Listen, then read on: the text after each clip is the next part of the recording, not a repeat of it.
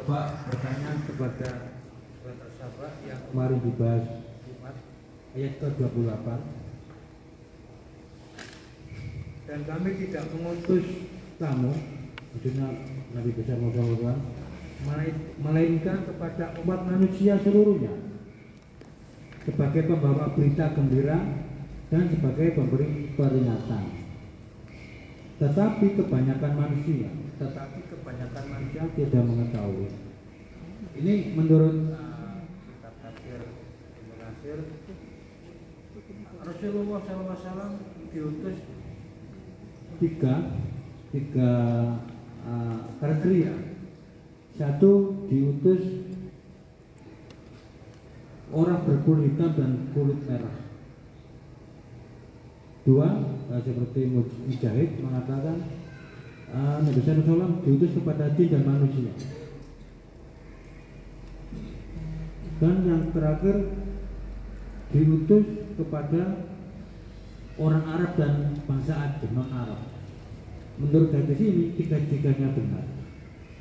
Ini kami mohon penjelasannya yang menarik ini dua ber, berkulit hitam dan berkulit merah dan kepada jin dan manusia mohon penjelasannya Gus karena di dalam masyarakat ini orang-orang uh, uh, ada yang manusia mengatakan ada yang manusia saja.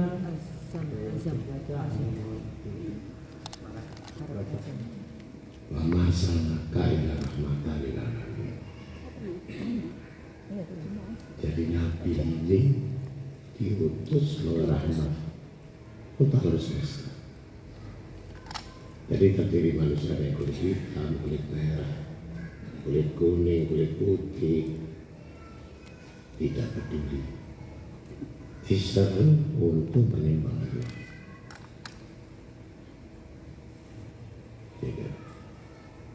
walaupun orang Arab sendiri tapi tetap mbak kita peringatan dan gembira.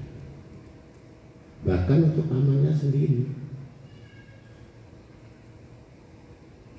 Jadi jangan mengatakan Islam itu. Milik orang Arab Islam itu milik Allah. Nah, dibawa oleh Nabi Muhammad SAW jadi bahasa kita, bahasa Al-Quran itu tidak sama dengan bahasa Arab.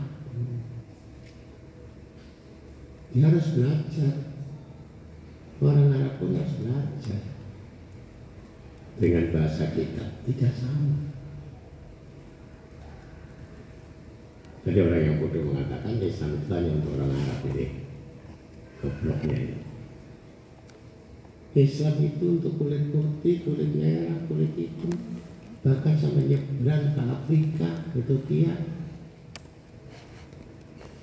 seluruh dunia. Barat, timur, utara, selatan. Begitu kalau yang takwa tadi dapat berita gembira kalau yang kafir tadi dapat berita peringatan.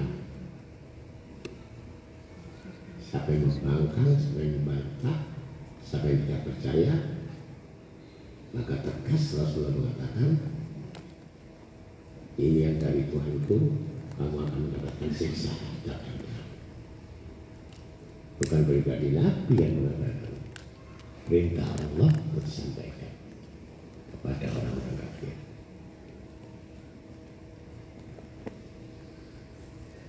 Sampai ke Indonesia.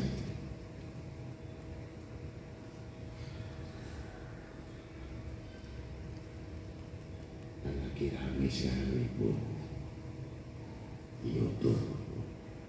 Wayang kulit haram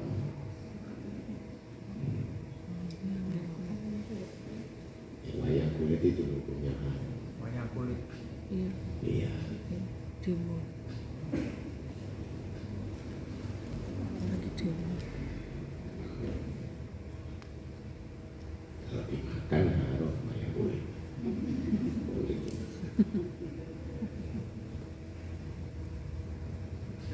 uh, untuk jin dan manusia siarnya ini benar tidak soalnya semua itu amal itu nada dunia jadi Kalau menyampaikan agama, lihatnya semata-mata dari. Halal atau haram?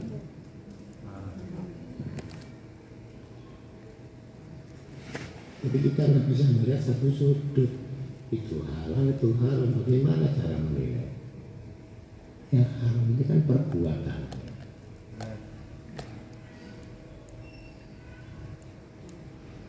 Kalau nggak sehingga dijaga. Gimana haramnya? Ini jangan diambil satu keputusan haram. Begitu.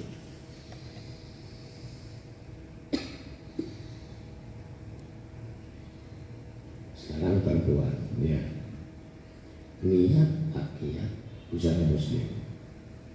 Tapi untuk menutupi alibi kebijakannya dosa-dosa mereka dengan pakai wudhu. Haram apa?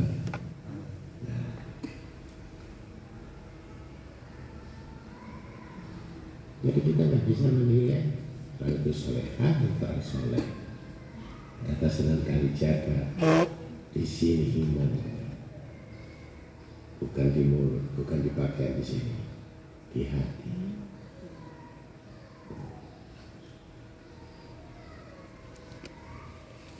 Jadi nggak ada jaminan kalau orang pakai putih, pakai ini, terus kopi putih itu soleh belum.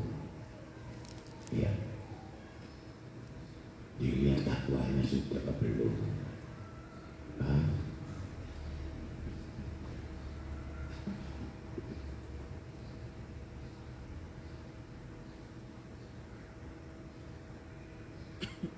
lanjut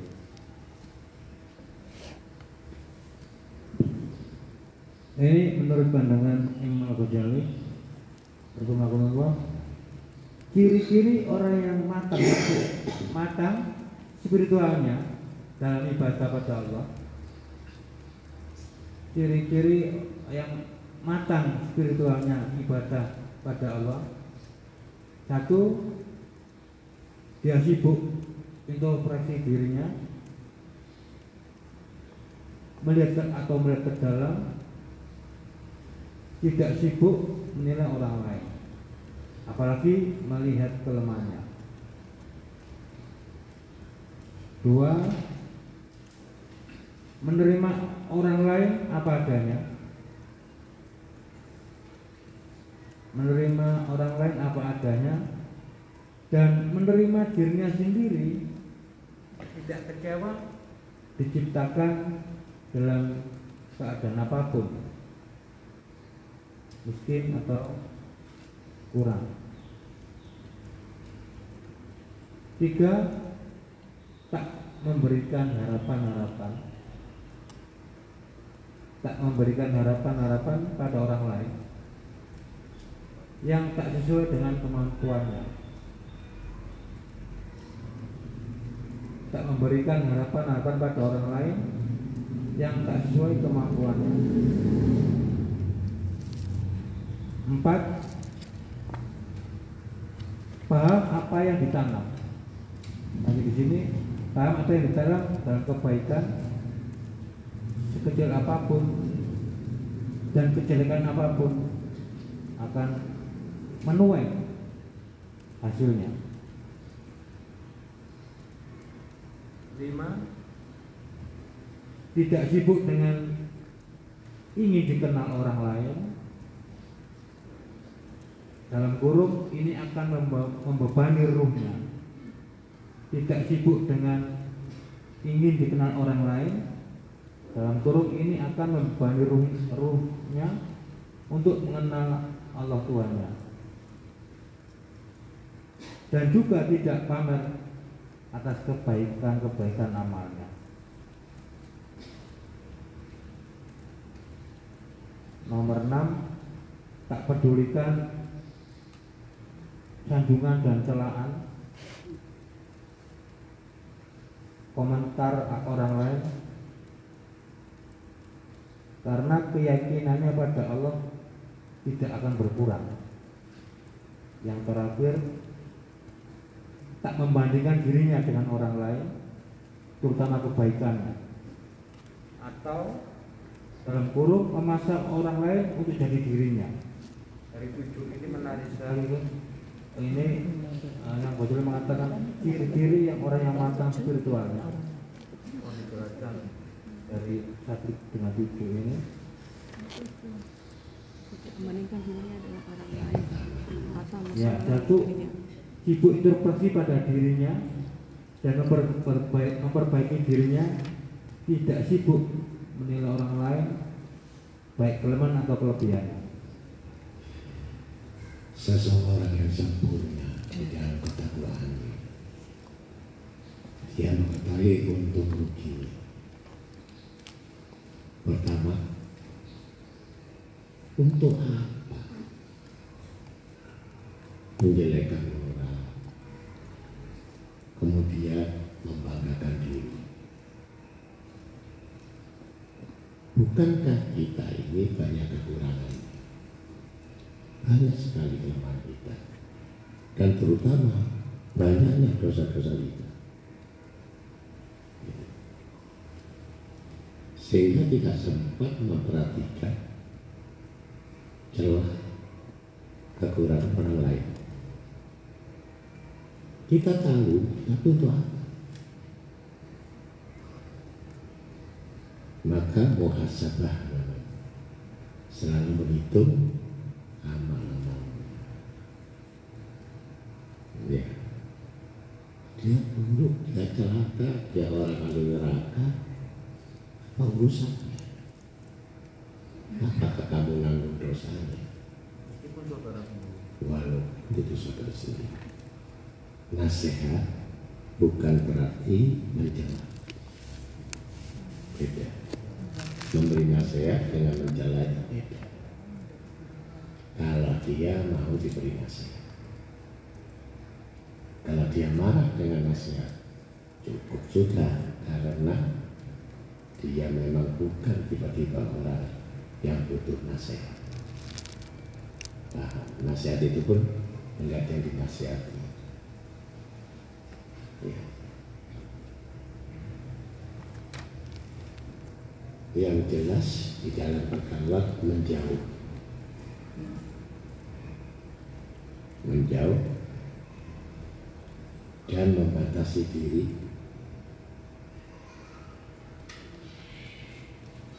kalau perlu tidak mengenal lagi karena akan mengakibatkan kerugian yang sangat besar pada diri. Itulah orang-orang yang muhasabah.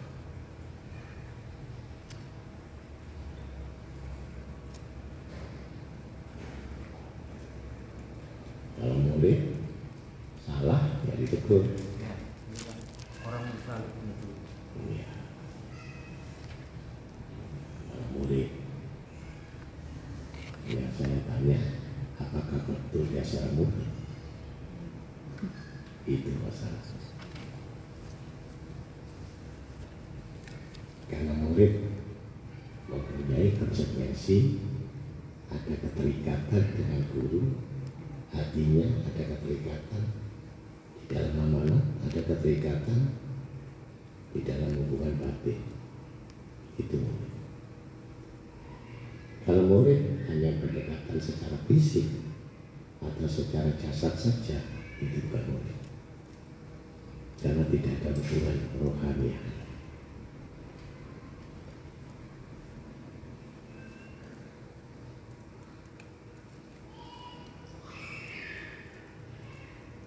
Paham sudah? ya. Yang kedua, menerima orang lain apa adanya dan menerima dirinya sendiri. Atau dalam kurung tidak kecewa kekurangan atau uh, mungkin dalam keuangan atau catatan dia nggak nggak nggak marah dia menerima menerima adanya. Tetapi orang yang menerima padanya ini selalu dikerjai. ya. Itu masalahnya. Dan orang yang diterima dengan apa adanya ini selalu kurang ajar. tidak pernah bersyukur. Sedangkan dia sendiri bicara apa adanya. kurang diterima apa adanya Dia apa adanya. Dia datang, dia terima apa adanya. Tidak berlaku sombong atau melampaui batas atau berlebihan atau kaku. Tetapi dengan apa adanya itu sifatnya natural alami. Tidak punya siasat tidak ada motivasi tidak ada tendensi semata-mata melihat karena Allah. Tapi manusia itu sendiri membatasinya karena banyak pelanggaran-pelanggaran dan dosa-dosa yang dilakukan sehingga terbatas di dalam pendekatan-pendekatannya. Langsung. Berarti artinya terkekang, terkurung dan tidak memiliki kebebasan di dalam kehidupannya.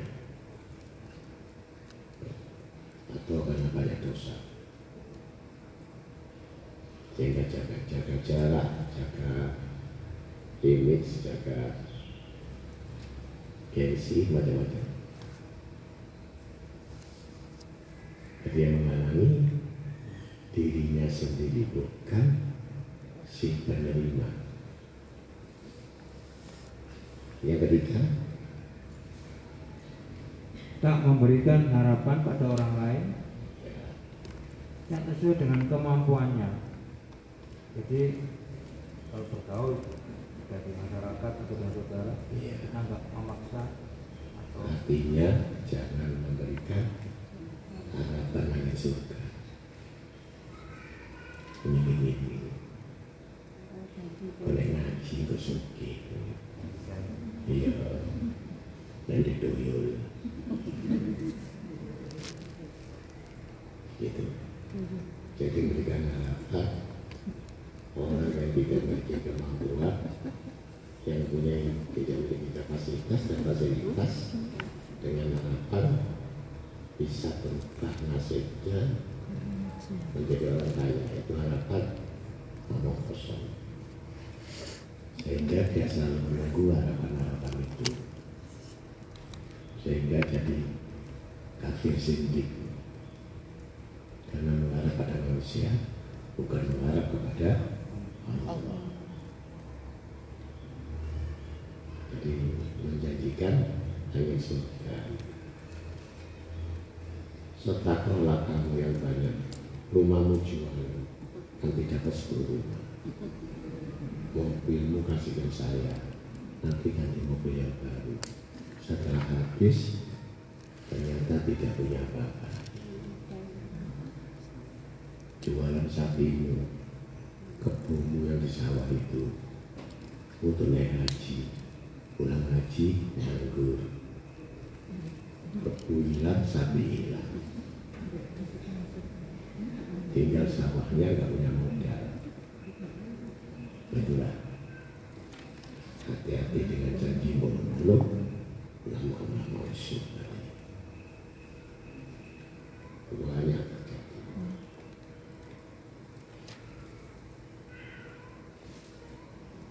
jadi tidak sesuai dengan kemampuannya tidak sesuai dengan katanya yaitu memaksa dirinya untuk mendapatkan sesuatu yang belum waktunya.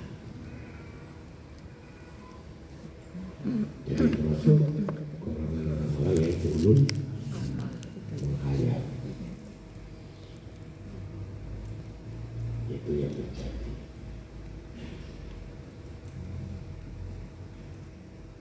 Lanjut, dampak.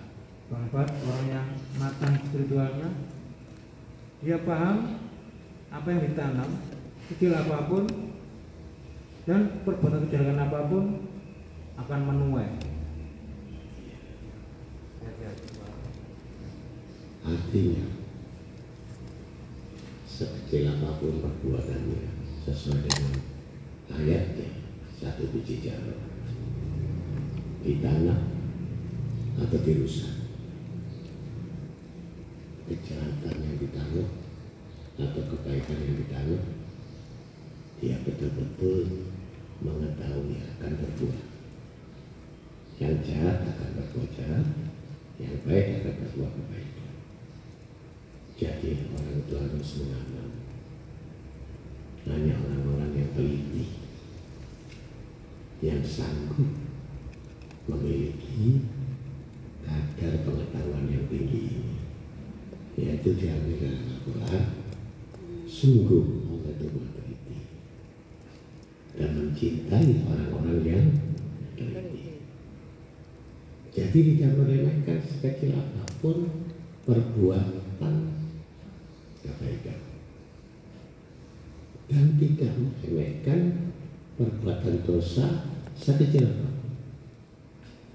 Karena dia tahu akibatnya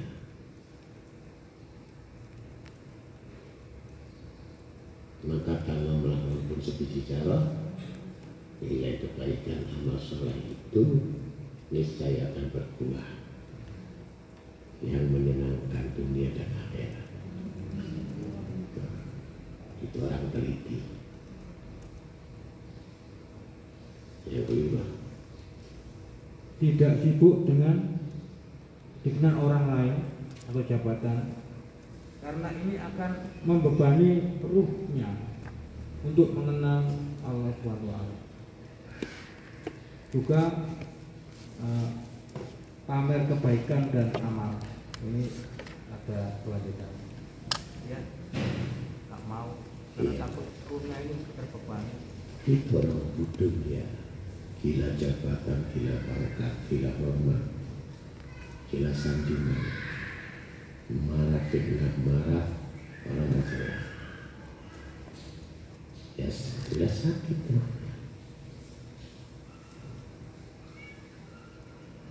Gitu. Orang lain dipuji bangga, tapi orang lain salah. Ketika dipuji sakit. Berbeda kan? jauh. Maka menghindari orang-orang muji yang melampaui batas. Karena itu akan mengganggu jiwa dan rohnya di dalam ibadahnya.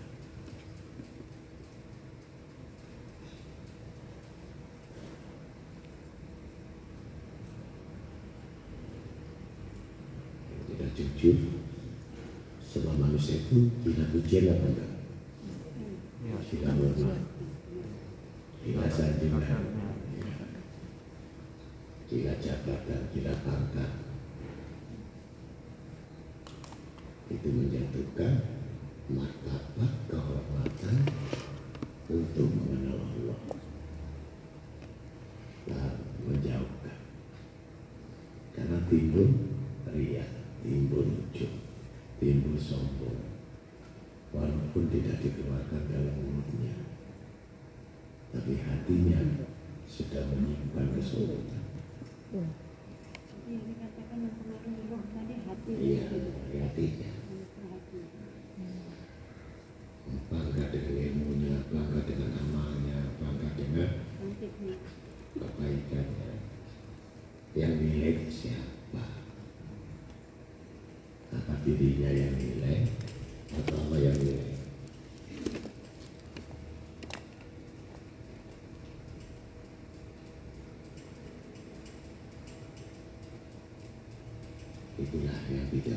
boleh dirasakan bagi orang-orang yang takwa. Orang takwa yang merasakan manisnya ibadah, bukan manisnya pujian, bukan manisnya kebanggaan, tapi manisnya amal ibadat yang dilakukan. Sehingga semakin memiliki kerinduan yang selama-lamanya. Kenapa? Keenam, tak pedulikan sanjungan dan celaan seperti itu tadi atau komentar? Karena keyakinan pada Allah ini kuat. Sehingga keyakinan pada Allah tidak berkurang. Jadi tidak medulikan jalan Allah. Karena dia yakin jadinya berarti kan ada pengetahuan. Gitu. Kalau kamu semuanya hidup tergantung manusia, pasti kamu butuhkan pujiannya, harapannya, kemudian marah celahannya, tersinggung karena marahnya. Iya, itu sifat manusia. Tapi kalau sifat Tuhannya tidak. Dia tidak butuh pujiannya, juga tidak marah jalahannya. Kamu ngaji bisa dilayani, kamu nggak ngaji, dia bisa mencukupi dirinya sendiri. Itu karena tauhid keyakinannya selalu bergantung pada Allah. Itu hebatnya orang yang sudah yakin dan bangga dengan Tuhannya tidak takut dalam hal kekurangan atau kehinaan atau menunggu pujian tidak. Tidak dihiraukan.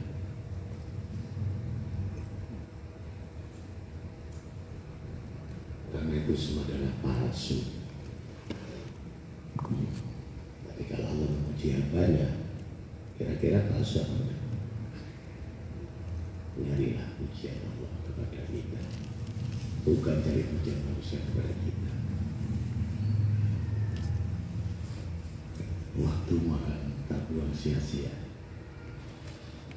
Walaupun dengan cara hartamu yang kamu berikan. Dengan harga diri kehormatan yang kamu berikan. Supaya kamu dapatkan pujian. Omong kosong. Semua palsu. Akan lenyap bersama waktu. Lenyap bersama masa. Hati-hati dengan pujian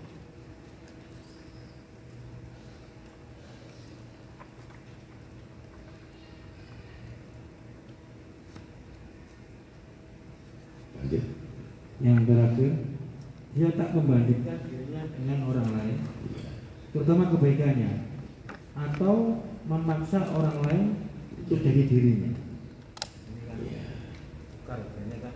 Iya. anak istri supaya jadi dirimu begitu Iya. saudara supaya jadi dirimu ya.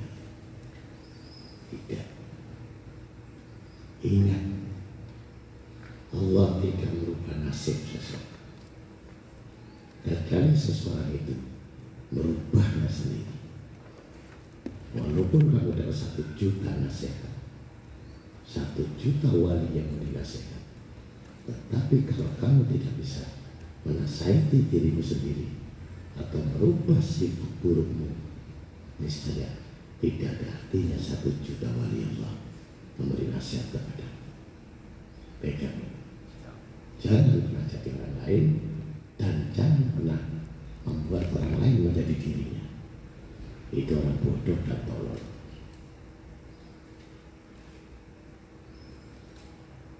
Sama kita mengajar, kita punya pelajaran tasawuf, kita punya pelajaran hakika. Kita lihat yang ngaji ini masih dalam berita syariat. Untuk apa saya bicara hakikat? Untuk apa saya bicara marifat? Oh dia masih bingung mikirin isi perut dan bingung memikirkan rezeki. Seperti itu. Jadi memaksakan seseorang untuk menjadi. Tapi kalau wawasan nggak apa-apa gitu. Oh iya belajar, namanya kita belajar itu pelan-pelan kita naikkan nilai ibadat kita. Bukan tidak boleh. Sampai betul-betul bisakah kita ini jadi orang yang cukup. Kira-kira begitu.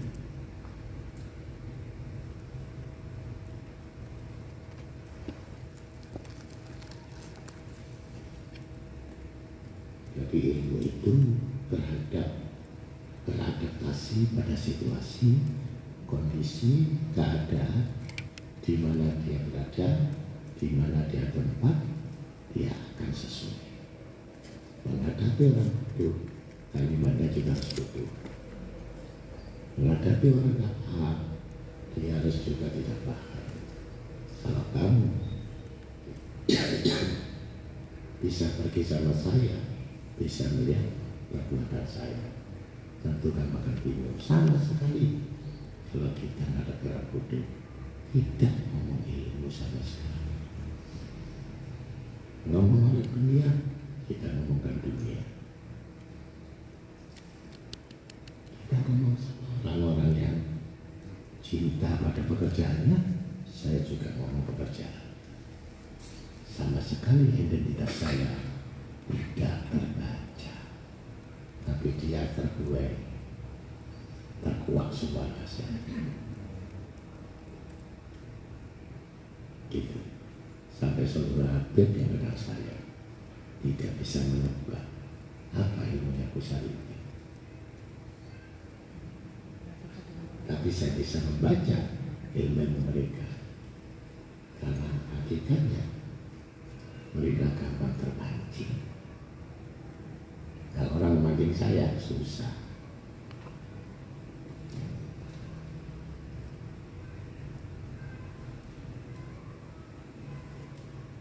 Susah kan? Jadi bulog. Gaya bulog. Hijau dan hijau, kuning dan kuning. Boleh selamat.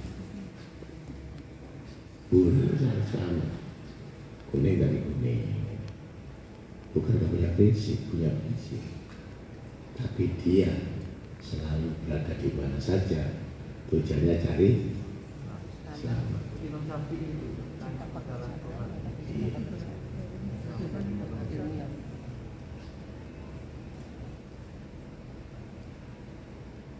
Bahkan suatu saat Imam Syafi'i berguru datang ke rumah gurunya Imam Malik. Punya seorang putri. Dan heran, bapaknya ini selalu tawasul kepada muridnya. Harusnya kan guru yang tawasul. Ini gurunya tawasul. Dan mengatakan, dia itu murid saya sekaligus guru saya maka makin apa rahasianya ingin tahu anak si putri. Ini. maka nginep Imam Syafi'i. Tidur diintip apakah bangun malam? Jam 11 sampai subuh gak tidur wiridan atau apa? Dan mengatakan lagi sama putrinya sama bapaknya. Saya istirahat dulu. Karena saya masih menyelesaikan 70 masalah di dalam Al-Quran yang belum saya selesaikan. Ternyata titik Imam Syafi'i tidur.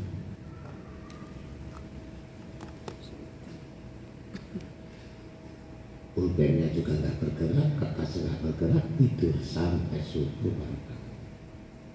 Imam Syafi'i tahu kalau.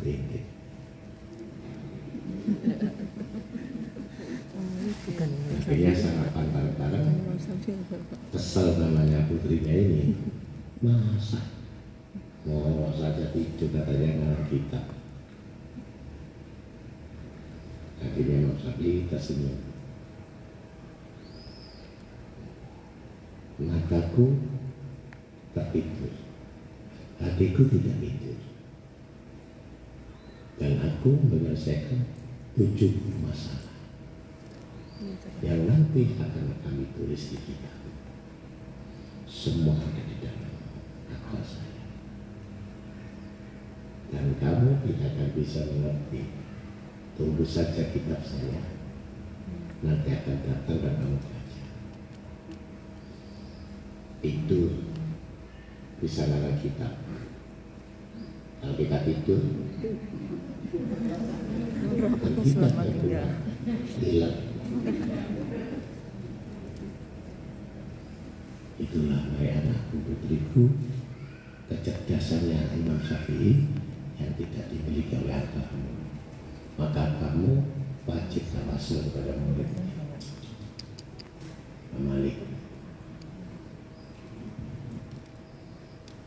Itulah kecerdasan Imam Syafi'i bisa mengarang di dalam tidurnya itu tujuh masalah diselesaikan dalam semalam. Dan apa? Selama tujuan itu untuk umat maka Allah akan buka rahasianya. Selama tujuan untuk dirimu mustahil sampai mati pun kamu tidak akan ditambahkan peralatan ingat medianya harus Iya.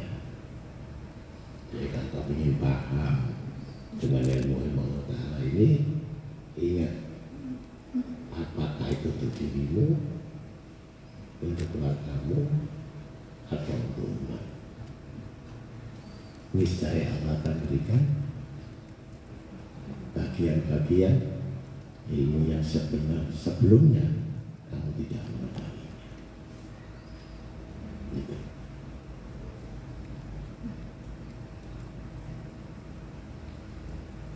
maka kita selalu bertanya pada diri kita condong sama diri kita condong sama anak keluarga kita atau condong kepada akhirat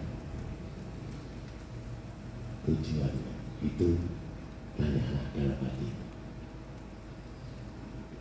jadi kalau kamu sekarang berputar-putar terus dalam segi karena saking kuatnya keinginanmu terhadap dunia ini semakin menggebu-gebu sehingga makin tertutup hati daripada pengetahuan-pengetahuan yang harusnya kamu dapatkan. Wallahu a'lam. Lanjut. Terima kasih. Ini pandangan Hasan Al Basri, Rasulullah. Mungkin ini yang apa mengulang, tapi pandangannya ini perlu dibahas. Eh, empat pandangan orang Muslim ini pandangan dia, orang yang memasrahkan hati dan jiwa. Orang Muslim, orang yang memasrahkan hati dan jiwanya kepada Allah Subhanahu Wa Taala dan membuat nyaman seseorang di sekitarnya. Orang yang memasrahkan hati dan jiwanya kepada Allah SWT dan membuat nyaman. Ini mungkin seorang orang lain di sekitarnya. Ini orang muslim. Orang mukmin orang yang mengetahui apa yang dikatakan oleh Allah atau difirmankan Allah Orang yang mengetahui apa yang difirmankan oleh Allah Subhanahu wa taala lalu dilakukannya dengan sepenuh hati hatinya takut kepada Allah walaupun amalnya dia setinggi gunung atau sedikit dia tak peduli. Maklum ini karena pelajaran ini di kami amalkan ya Iya. yang ketiga orang sufi. Sufi orang yang hatinya selalu bertakwa kepada Allah SWT. Orang yang hatinya selalu bertakwa kepada Allah SWT menjauhi sifat munafik, kasih sayang sesama, tidak memuji dirinya, dan yang mengerjakannya baik-baik. Karena di zaman ini dulu dan sekarang lain bro ini sufi yang dulu sufi sekarang kan mungkin beda karena keadaan yaitu orang yang hatinya selalu bertawa kepada Allah menjauhi sifat munafik kasih sayang sesama tidak memuji dirinya dan mengerjakan yang baik-baik. Yang terakhir adalah pandangan uh, Hasan Basri orang fakih. Fakih itu orang yang juhud terhadap dunia. Senang terhadap akhirat melihat dan memahami agamanya. Melihat dan memahami agamanya.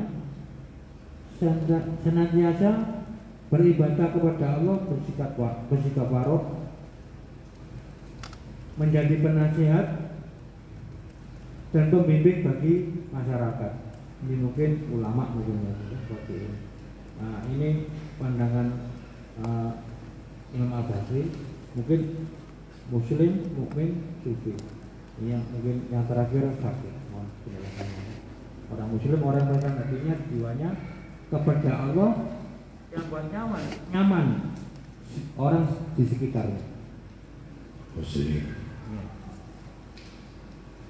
Muslim itu ikhwan saudara. Jadi mereka bekerja sama bermusyawarah kemudian saling mengingatkan. Itu muslim. Kalau orang muslim saling bermusuhan maka dia adalah orang-orang yang tolim bukan muslim. Dan ada tiga tolim tadi mendolimi dirinya sendiri atau mendolimi orang lain atau setidaknya merasa dirinya tiga.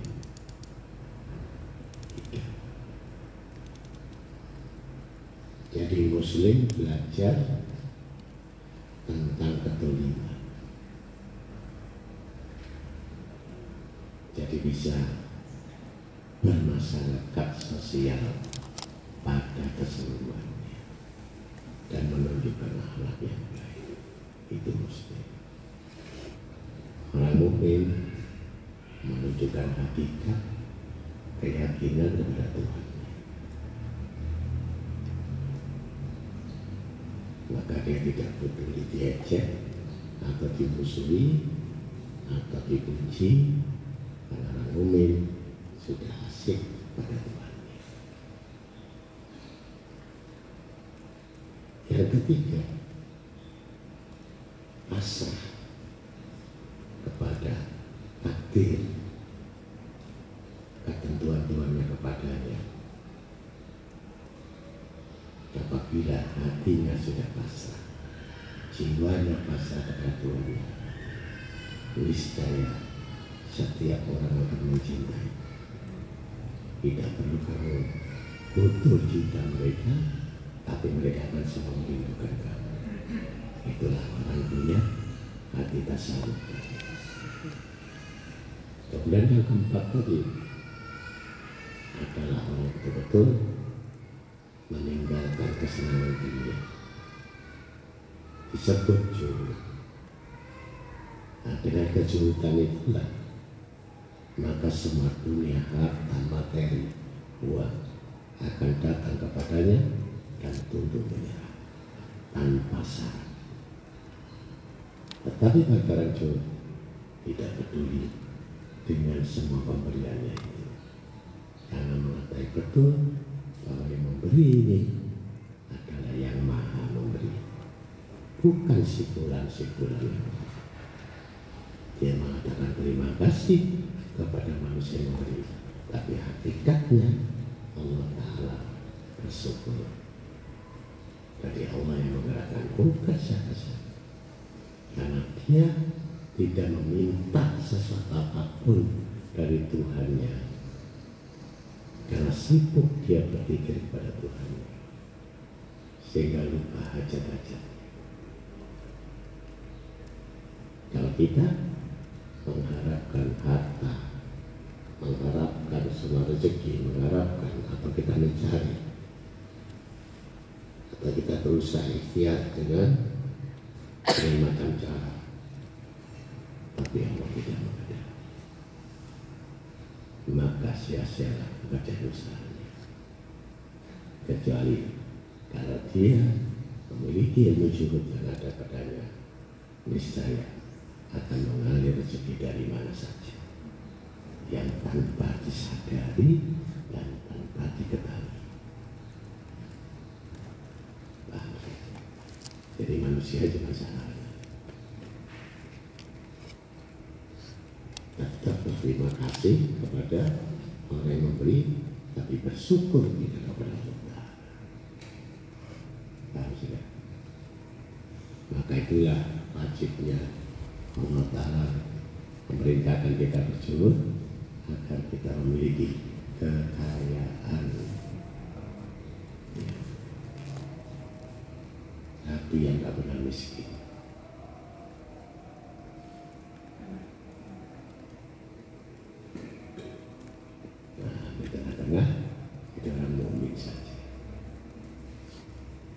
di atas muslim sudah bagus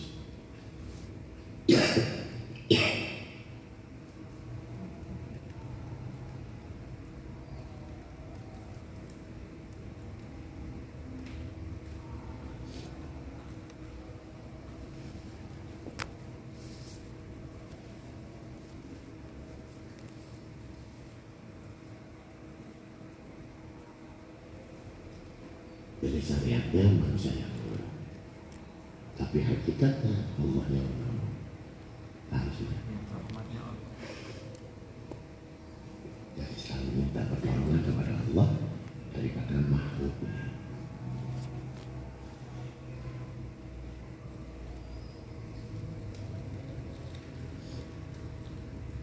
Jadi kalau kita sudah mengerti itu semua pertolongan Allah, apalagi yang diharapkan pertolongan manusia yang lemah ini.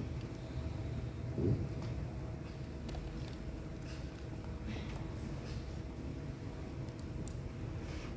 Jadi harus betul-betul mengetahui bahwa rezeki itu yang memberi adalah Allah.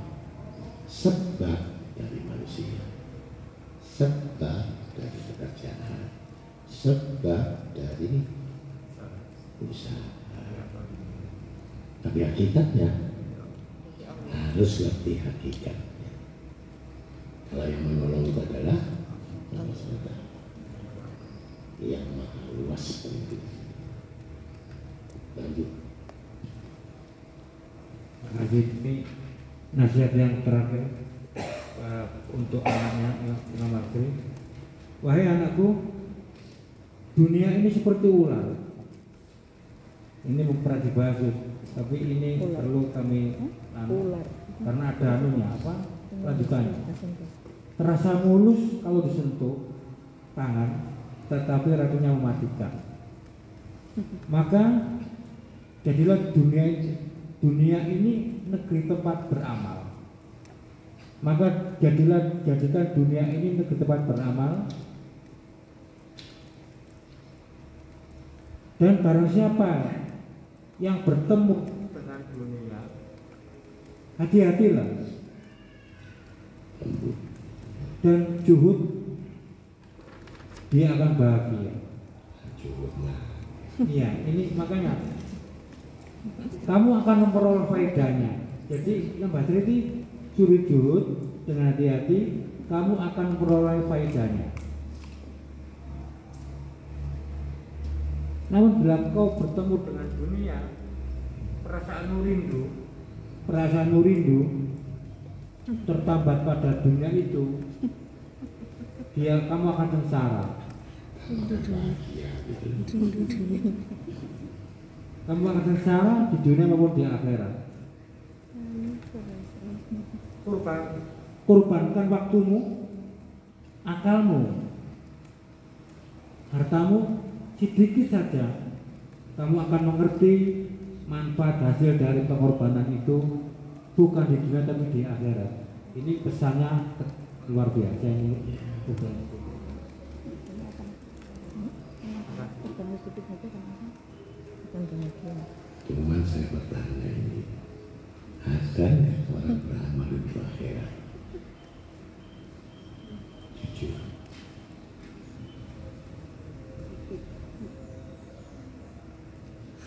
Insya Allah satu ketika saya juga untuk akhirat itu kita berubah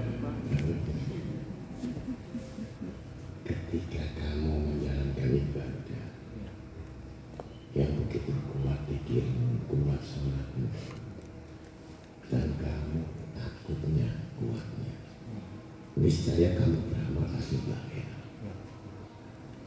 Tetapi kalau kamu ibadahmu sedikit, pikirmu sedikit, kesibukan banyak, omong kosong akhirat. Semua itu dilakukan ibadah yang semata-mata oleh sholat, pikir, puasa, ya, untuk akhirat. Pasti mereka itu golongannya orang yang tidak sayang dengan harta. Tetapi Tapi kalau ambisimu pada dunia, ambisimu sangat kepada dunia, jangan katakan amalmu itu untuk akhirat, tapi untuk pahala.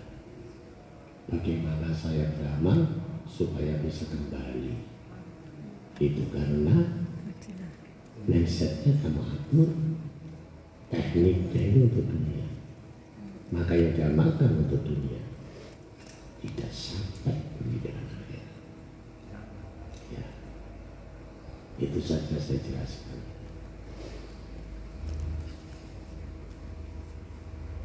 Karena yang untuk dunia ini takut hukum. Kalau nggak sedekah, kalau nggak zakat, kena hukuman. Gitu. di awal tuh. Iya. Mengerti kan. Tuh. Tapi ibadahnya. Masih di Iya, nggak bisa. Dunianya lebih kuat. Apa pun dunia lebih kuat, maka dia beramal dunia. Apabila akhiratnya sangat kuat, maka akhiratnya akan sangat kuat. Itu saja perbedaannya. Paham sudah?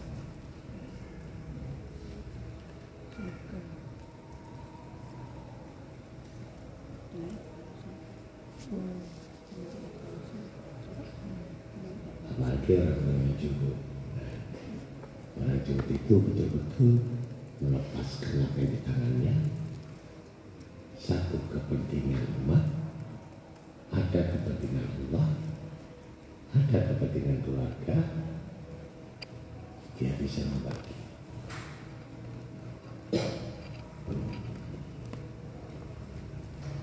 jadi gak ada yang boros.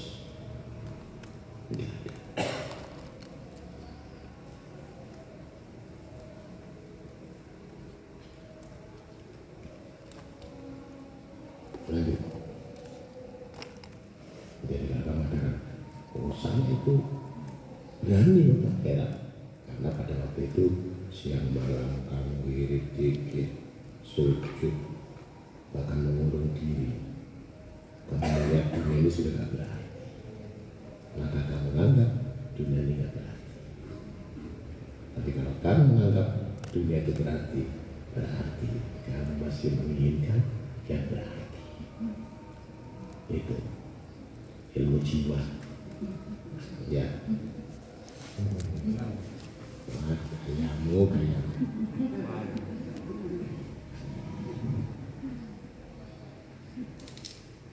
lanjut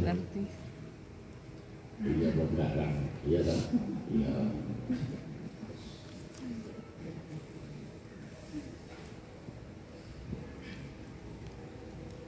Assalamualaikum warahmatullahi wabarakatuh. Ya.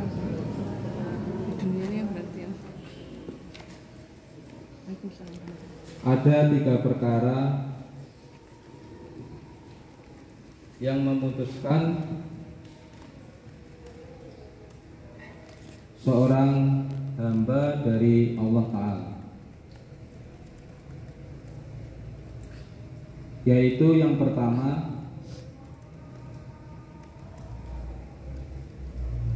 sedikit pembenarannya terhadap irodah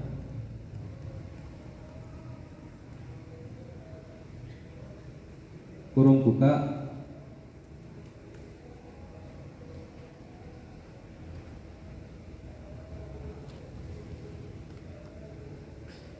Tidak konsekuen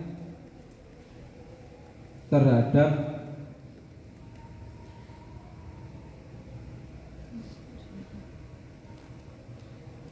keinginannya dalam melaksanakan perintah Allah Ta'ala.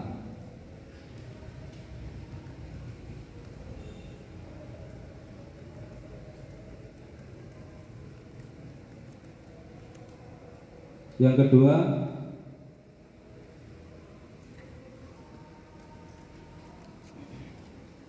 Tidak mengetahui jalan yang harus ditempuh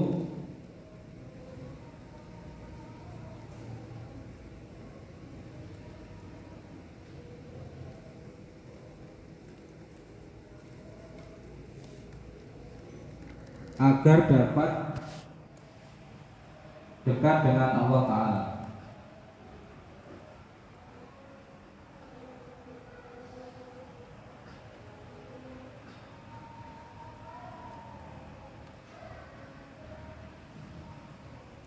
Dan yang ketiga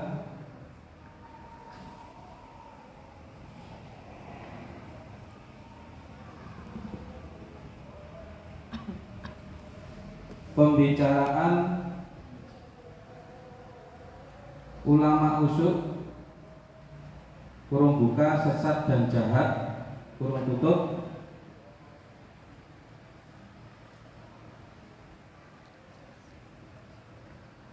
yang disertai dengan hawa nafsu.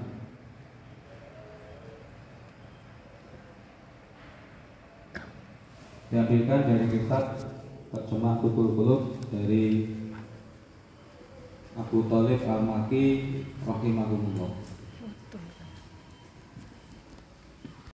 ibadah. Yang sesungguhnya ibadah. Perlu digarisbawahi. Kecuali orang yang takwa. Siapakah orang yang takwa orang yang selalu mendapat petunjuk banyak orang awam yang ibadah makin banyak ibadahnya makin tersesat. Banyak yang mengetahui pemahaman ilmu tapi juga banyak yang membangkang dan membantah. Yang ketiga orang yang selamat. Ibadah yang selalu diiringi dengan petunjuknya niscaya dia tidak terombang ambing dalam hidupnya.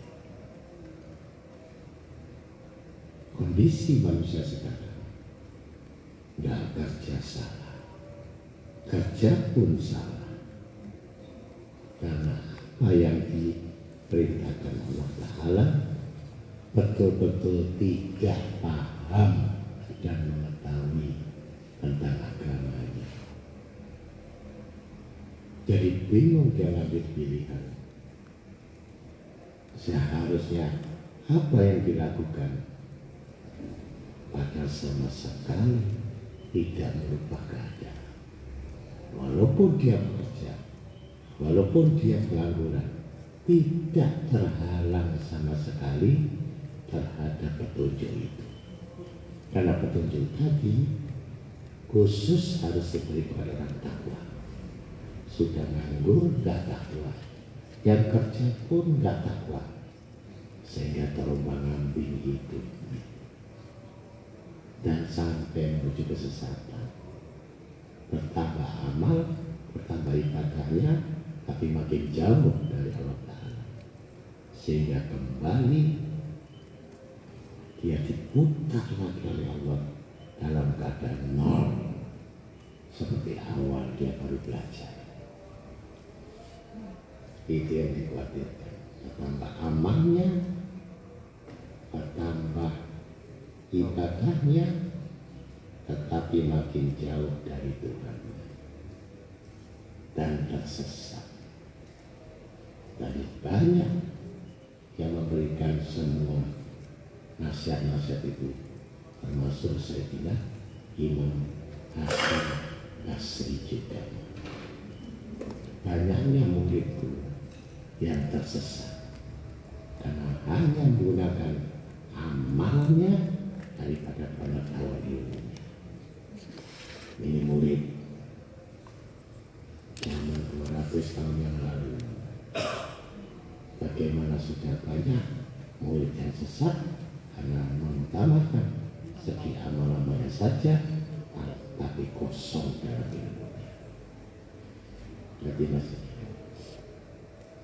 harusnya ilmu yang sedikit dia mengamalkan justru menumbuhkan keyakinan kepadanya amalnya semakin banyak tapi membuat keraguan pada hatinya dan tidak memiliki keyakinan sama sekali sehingga apa pun yang diperintahkan Allah dan Rasulnya tidak bisa melaksanakannya. Lanjut. Maaf, Bu. saya, saya kira perjuangan hidup ini yang akhir zaman ini takut Bu. Yang membuat orang ini terima lagi. Takut ini Sering kita alami. Dalam menuju takwa ini kan guru mengatakan akhirnya takut, takut dan lain. Tapi memang sukar sekali menumbuhkan rasa takut menumbuh menumbuhkan rasa takut dalam hati yang seolah-olah diawasi terus oleh Allah. Baik gerak ucap ini kita rasa takut gimana ini caranya menumbuhkan rasa takut dan rasa diawasi Allah ini. Kadang hilang kalau tak kalau hilang kalau. Karena kita tidak memiliki harapan. Manusia kalau hanya beri rasa takut, maka makin stres. Tapi harusnya dengan takut itu makin gencar kita ibadah.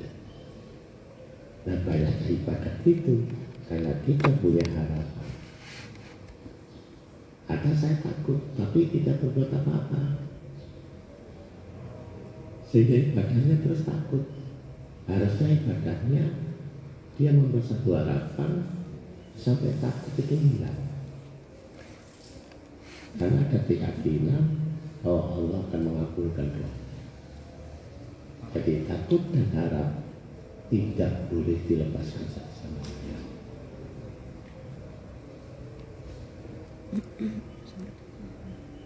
jangan kita mengaji ini seperti keledai. Dia membawa beban yang berat hanya upah untuk makan. Bahkan dia tidak tahu apa yang dibawanya. Bekal apa yang dibawanya, dia tidak tahu. Karena keledai. Sedikit banyaknya orang beramal, banyaknya orang berpikir, banyaknya orang berdoa tapi tidak tahu isi kandungan doa dan pikir itu seperti yang bekal yang tidak tahu isinya. Ya. Perjalanan yang jauh ditempuhnya hanya dapat air dan makanan. Dan yang paling gila tidak tahu apa isi beban yang dibawanya itu bahayanya orang yang amal ibadah ini. Jadi semakin jauh, semakin berat, semakin letih, ya semakin tersesat. Karena berulang-ulang dia menjalankan tanpa tahu isi beban yang dibawanya.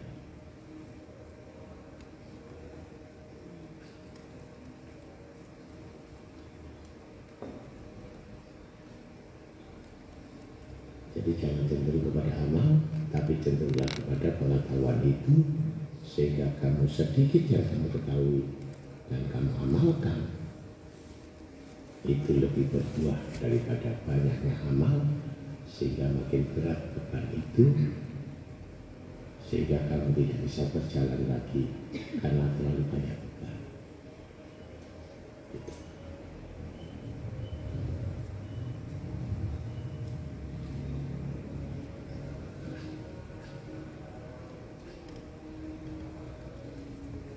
Lanjut,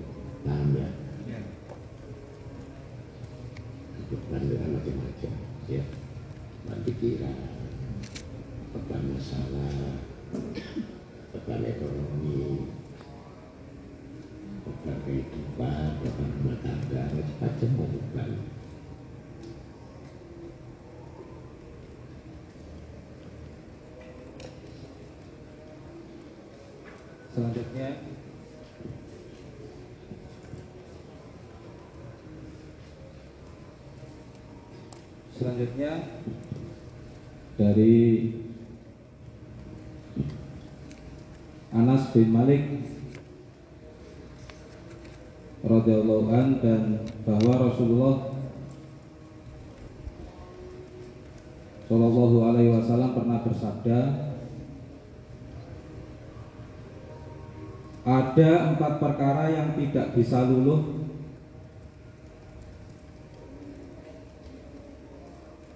selain dengan ujub.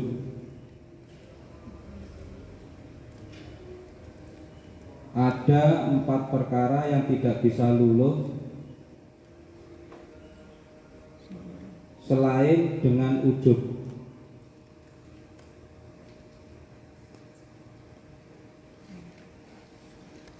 Yang pertama sikap diam yang merupakan ibadah paling pertama.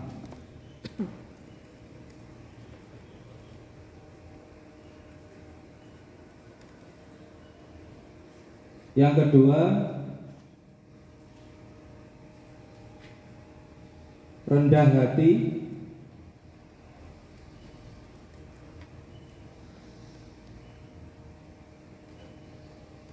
Yang ketiga, zikir kepada Allah Subhanahu wa taala.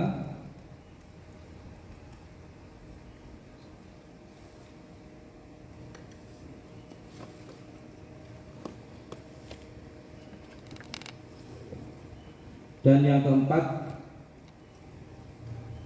menyedikitkan sesuatu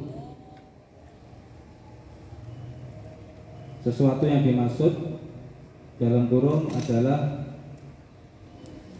tentang masalah keduniaan.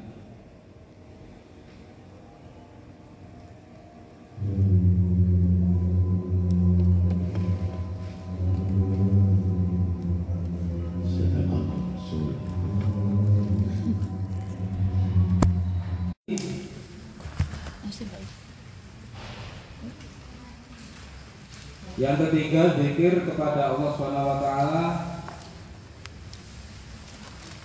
Dan yang keempat, menyedikitkan sesuatu.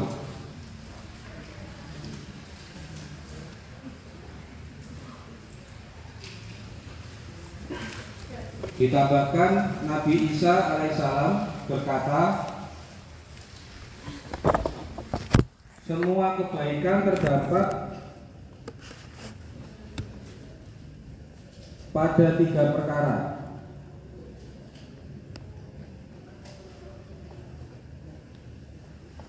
Ketika diam,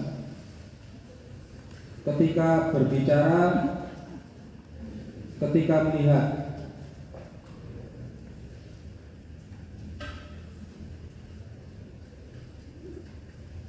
Barang siapa yang diamnya bukan bertafakur maka ia termasuk orang yang lalai.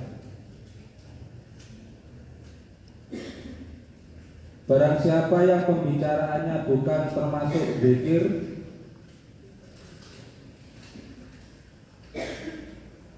maka ia telah berbuat sia-sia.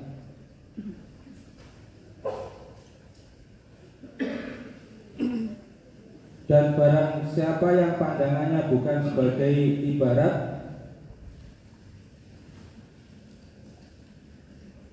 maka ia termasuk orang yang main-main dalam hidupnya. Ini masih dalam bab yang sama, tetapi titik beratnya adalah perkara yang tidak bisa luluh selain ujub itu di antaranya bisa disebutkan di dalam eh, sikap diam,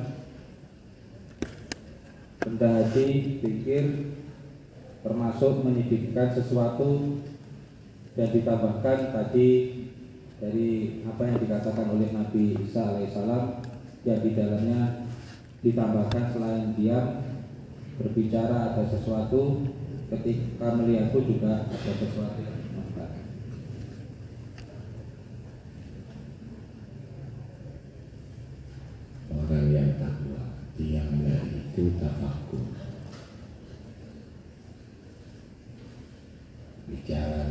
satu tiga kemudian punya hati yang rendah. Tawadu. Yang keempat menyedikitkan sesuatu. Apa sesuatu? Semakin banyak keinginan sesuatu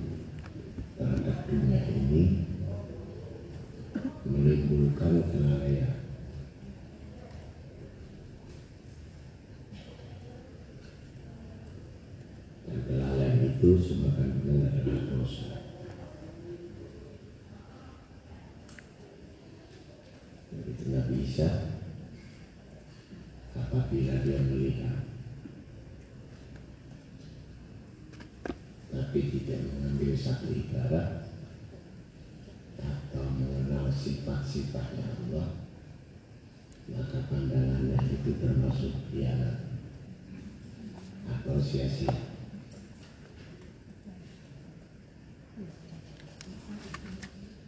jadi hidup ini semua adalah amanah bagaimana cara itu berpikir bicara di seketika adalah mengingatkan sesuatu orang yang lupa. Menasihati menasihati tentang agama. Itu dipandang dari segi syariatnya segi hakikatnya bicara itu akan mengandung isi apa isi kandungan yang di dalamnya ada pikir kepada Allah Ta'ala.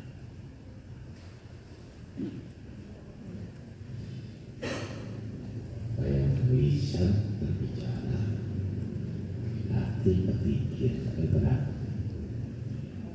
Biasanya kalau orang bicara, hatinya nggak bisa pikir.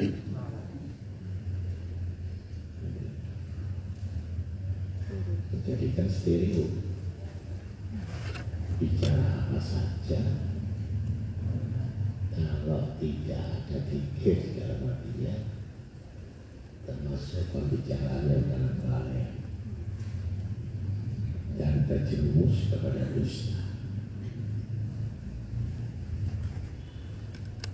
maka Nabi SAW juga bersabda apabila kalimat kalimat pembicaraan sepuluh kalimat tidak disebut kalimat Allah kamu dari mana kepentingan apa dua tujuan apa dua tiga kehidupan bagaimana rezekimu bagaimana lima pekerjaan apa sampai sepuluh kalimat tidak disebutkan subhanallah atau masya Allah atau astagfirullah maka yang ke sebelas itu termasuk pembicaraan dalam dosa kelalaian beratnya sepuluh kalimat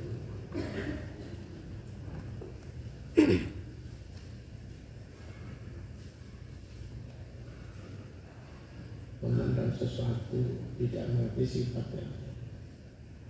Kita bicara melihat ada orang jual kerupuk kemudian dia hujan kita bisa bayangkan hujan.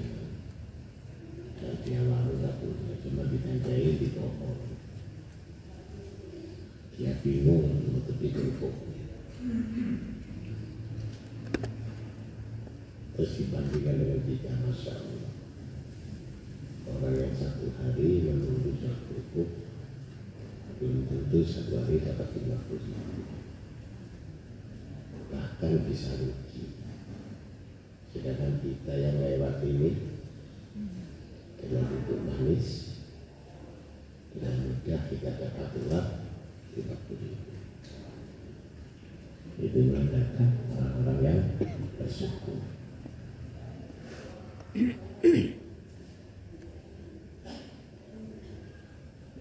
kemudian lewat lagi kita orang hujan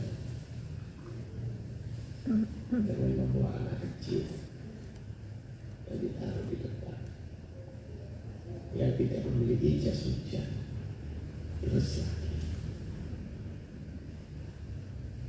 kita melihat apakah anak itu nantinya sakit?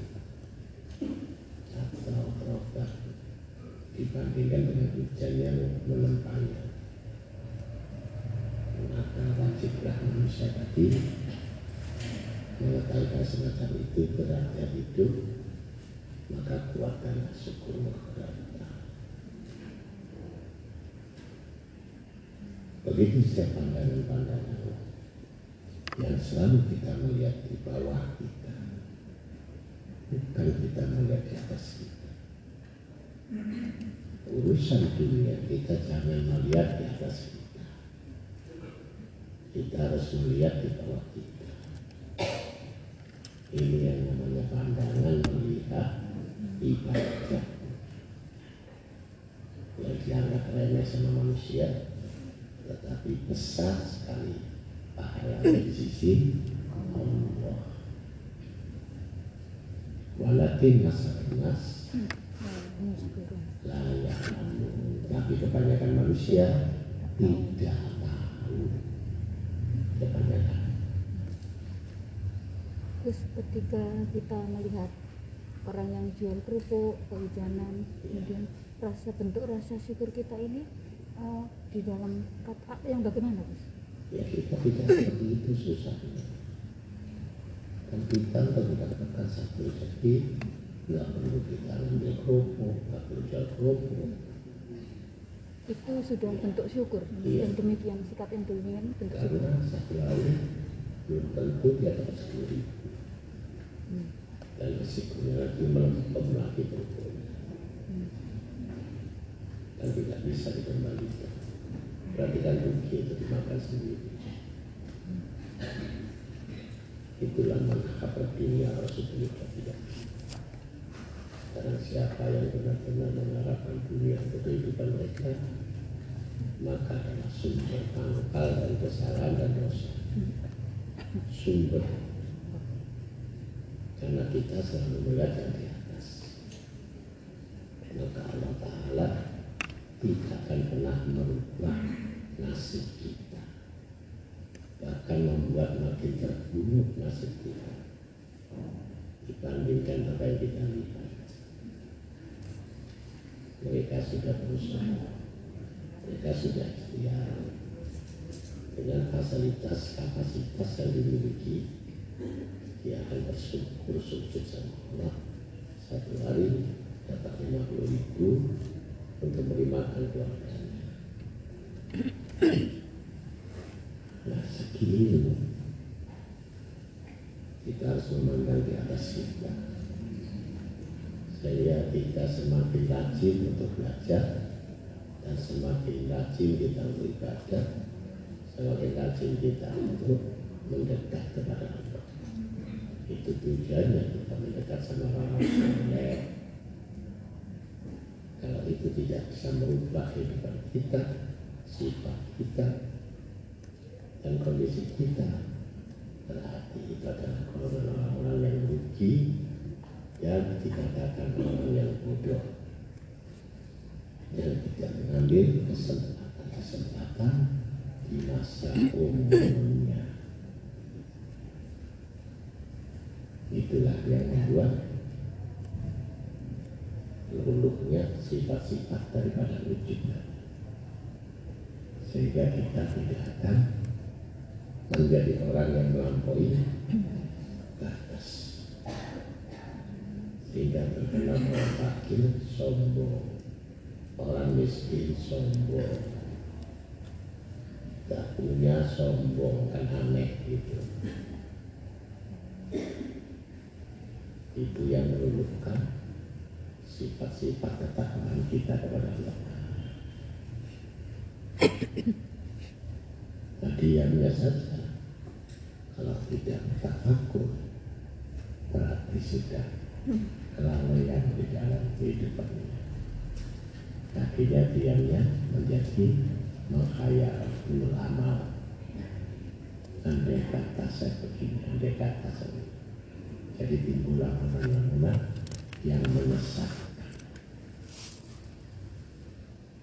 Maka diamnya harus berpikir atau tafakur pada kita apa yang diciptakan apa yang dijadikan di permukaan bumi.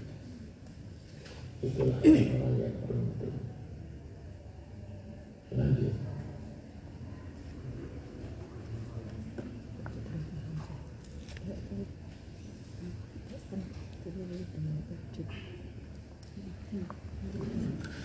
Selanjutnya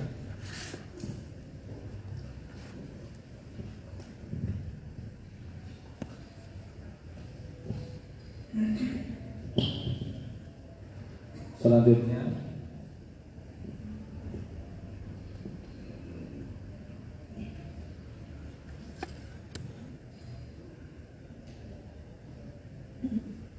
Diriwayatkan Nabi Muhammad SAW bersabda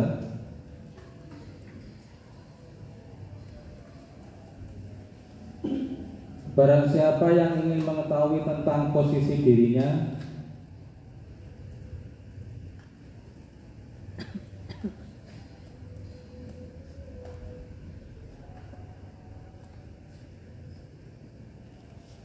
di hadapan Allah Subhanahu wa taala maka hendaklah ia melihat bagaimana posisi Allah Subhanahu wa taala dalam hatinya.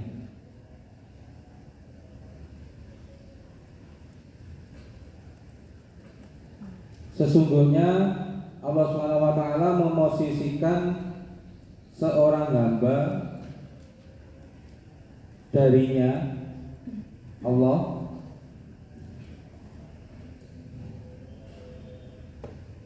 Berdasarkan kadar penempatannya oleh hamba tersebut dalam dirinya.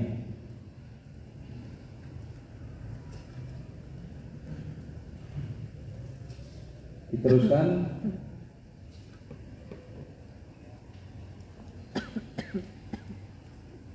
Dan barang siapa berkata Saya adalah orang berilmu Maka orang tersebut adalah bodoh. Jadi hakikatnya Mengetahui siapa tentang diri.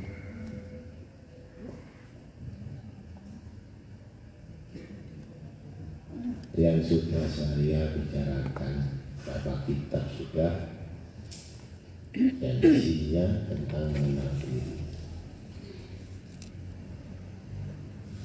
Selama orang itu belum mengenal diri, maka dia akan memperoleh yang didapatkan itu pengakuan. Mengaku dirinya berilmu, mengaku dirinya sudah beramal, mengaku dirinya sudah sampai tujuan. Ini adalah kebodohan. Karena wajib kita yang sudah saya terangkan proses pembelajaran. Pertama kita harus banyak melatih diri untuk menjadi seorang dia seorang hamba.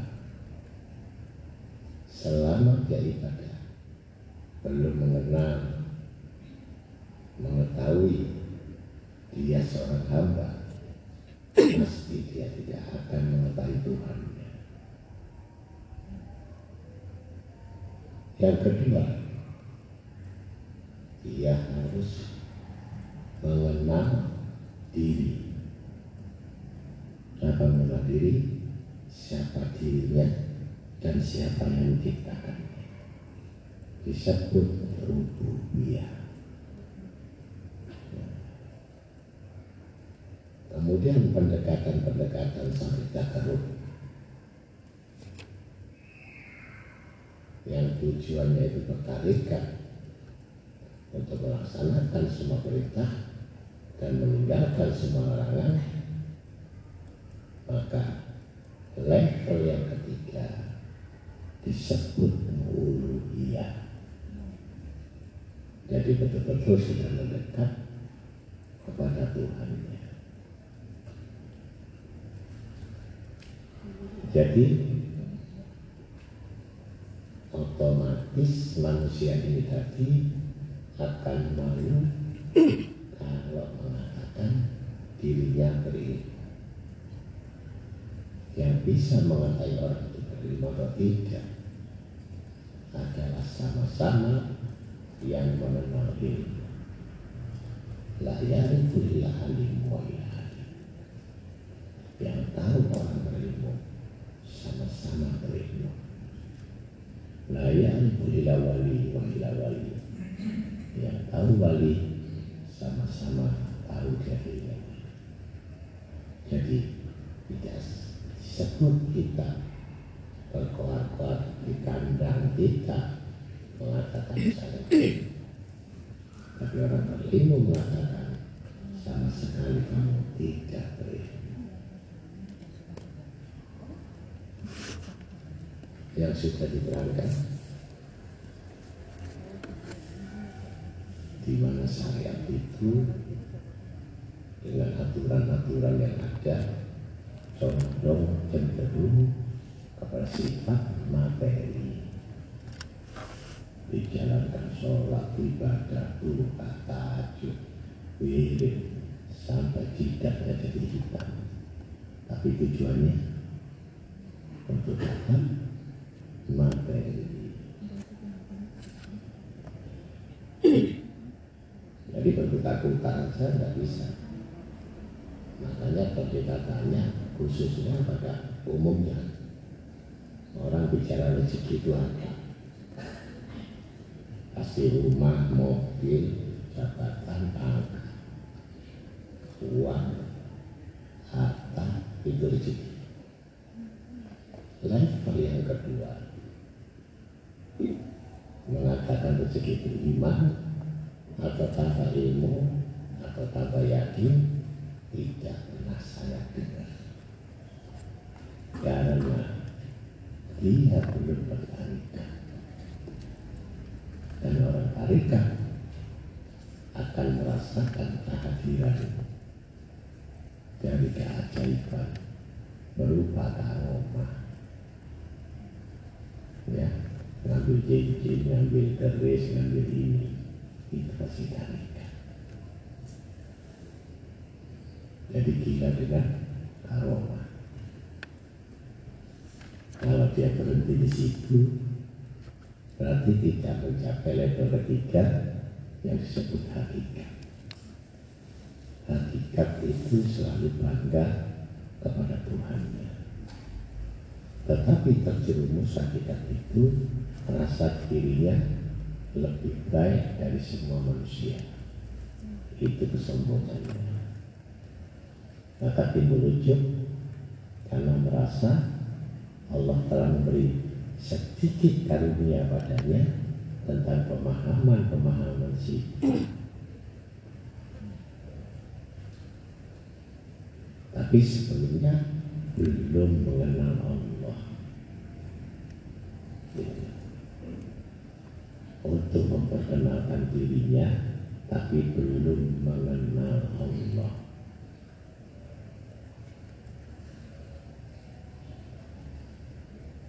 Keempat, baru ma'rifatullah itu mengenal Allah dengan asma dan sifatnya dan perbuatannya. Disebut orang yang disebut orang al-arifin atau orang kasar. Tapi bukan ilmu. Sekali lagi, kasar itu bukan ilmu terbukanya hijab itu bukan ilmu yang dimasukkan ilmu adalah mengenal nama Allah dan sifat-sifatnya dan perbuatannya. Dan disebut hikmah. Hikmah itulah yang disebut ilmu jadi kalau orang berhenti di kasar berhenti di marifat saja berhenti di hakikat saja, berhenti di tarikat saja, atau paling rendah berhenti saya. Ya berputar-putar saja kamu hidup, selalu mikir rezeki, kapan saya dapat rezeki, kapan saya dapat angkat, kapan saya dapat jabatan. Usahamu itu bukan usaha untuk mendekat kepada Allah. Dari situ Allah Ta'ala hanya menyediakan fasilitas apa yang dikehendaki manusia di hukum syariat itu hanya terbatas materi. Harta dan kedudukan saja.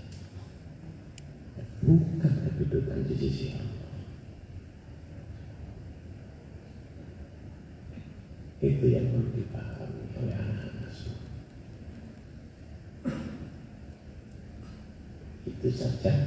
Sudah ujub, sudah sombong, sudah berani naik mimbar dan macam-macam tujuannya tidak lain untuk mencari materi dunia. Tapi alasannya ini adalah sehat agama itulah alibi mereka Makasih. Uh, ada istilah makrimat makrifatullah ambil makrimat bila. Kalau ini mohon penjelasannya, Bro. mungkin dulu uh, guru pernah mengatakan begitu, ini saya lupa perbedaannya. Makrimatullah, makrimat bila. Makasih. Adalah usaha dari secara gambar untuk mengenal Allah. Ma'rifat bila adalah pemberian dari Allah. Itu beda. Maka dua masalah yang harus dipikirkan. Iman itu ada titipan, ada sifat iman pemberian. Ketika iman itu terlepas dari orang, maka yang dikejar itu adalah duniawi itu lepas iman karena sifatnya titipan kalau pemberian tidak. Apa pun yang terjadi padanya dalam kesempitan kerugian atau kemiskinan atau kefakiran tapi karena iman itu pemberian dia tetap tegar karena hakikatnya Allah Ta'ala sudah memberikan kekayaan dua kekayaan. Kekayaan secara lahiriah dan kekayaan secara batiniah yang dimaksud kekayaan adalah batiniah kalau batiniahnya miskin melarat atau fakir sampai mati pun dia akan kejar namanya materi. Kalau dia dapat pemberian iman tadi sampai kapan pun dia akan tidak membutuhkan manusia. Karena dia tahu harapan yang terbesar adalah Tuhan. Bukan makhluknya. Sekali lagi. Jadi kita-kita ini harus mempertahankan dan memperpanjang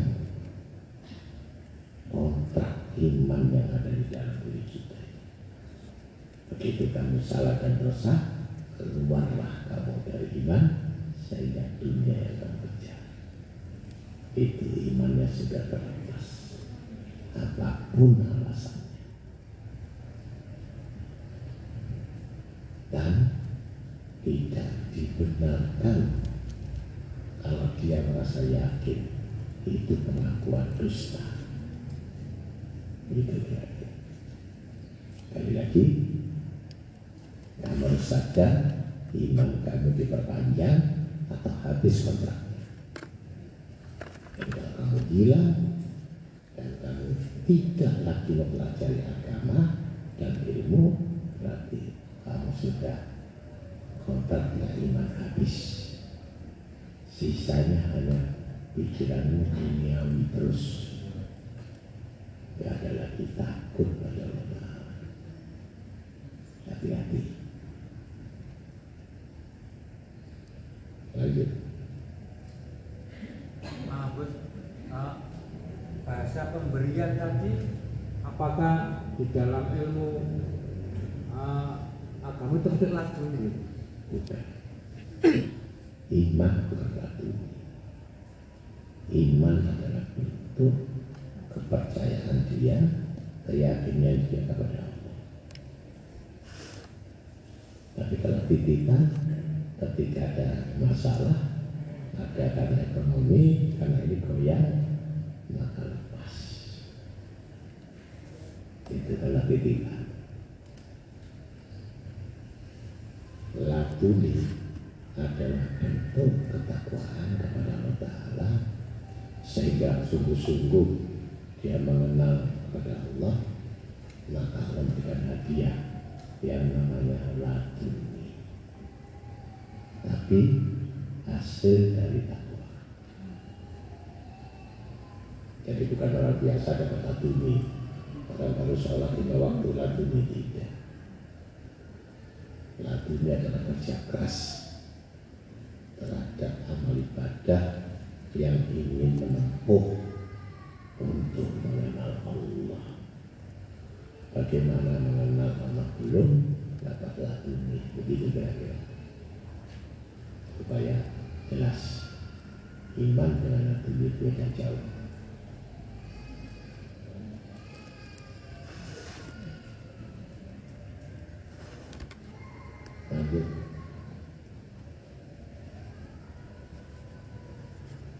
Kurang satu. Lima menit lagi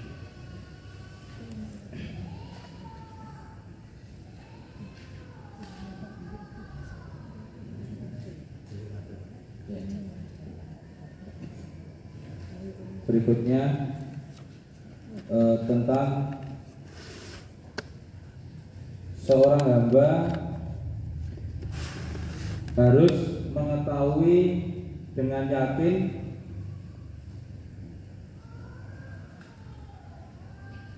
bahwa di akhirat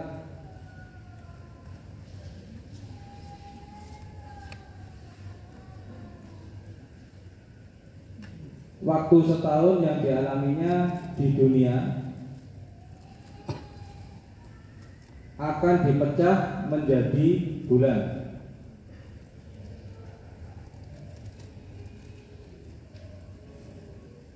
Bulan akan dipecah menjadi hari,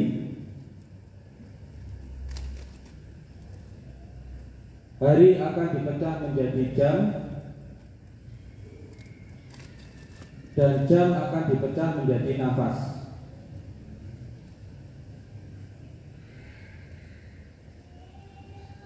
Kemudian masing-masing orang akan ditanya dan akan merambah pada setiap perbuatannya.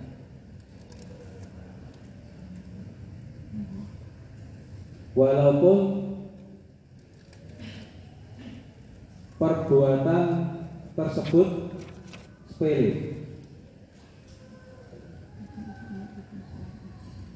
Yang menj- menjadi pertanyaan, kenapa orang melakukan perbuatan walaupun sepele atau walaupun banyak, tetapi hasilnya bermacam-macam.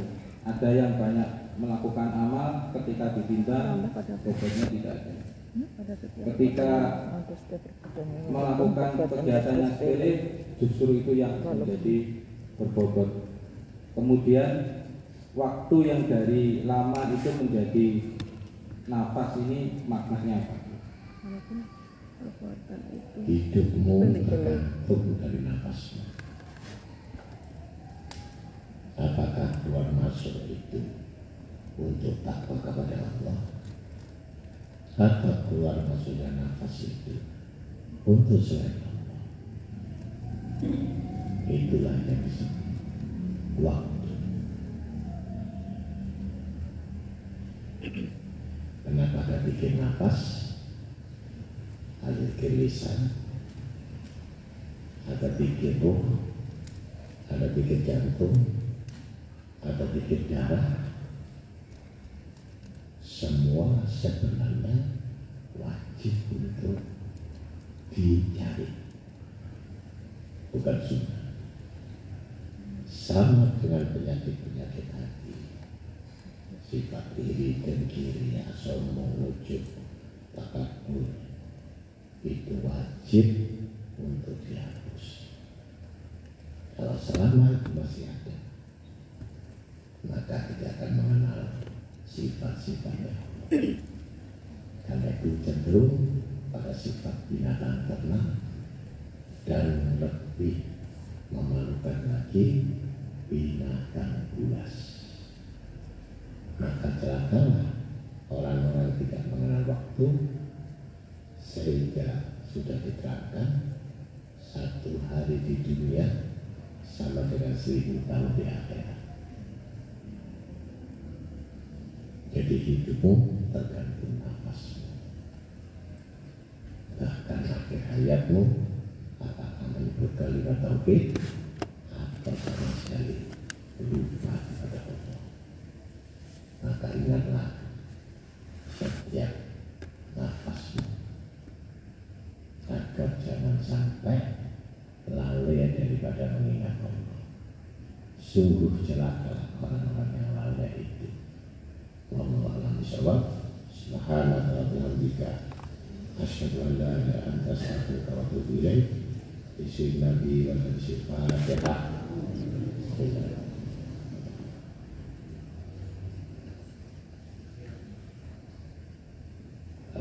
Assalamualaikum warahmatullahi wabarakatuh.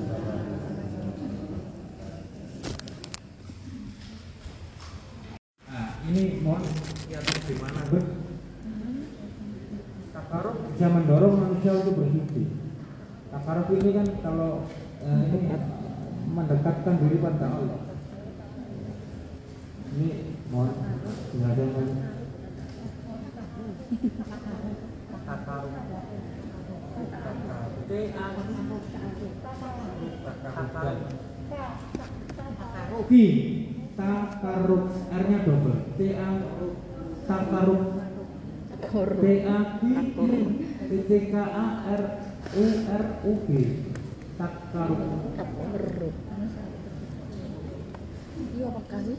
Q Q takaruf takorup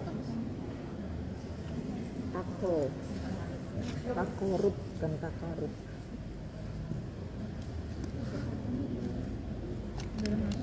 bahasa untuk mencapai makom mukorab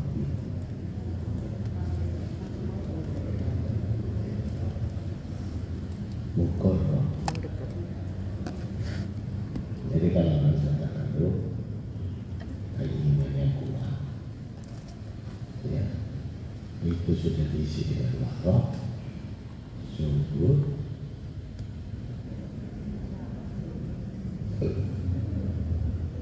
tidak memandang dunia, menyingkirkan dunia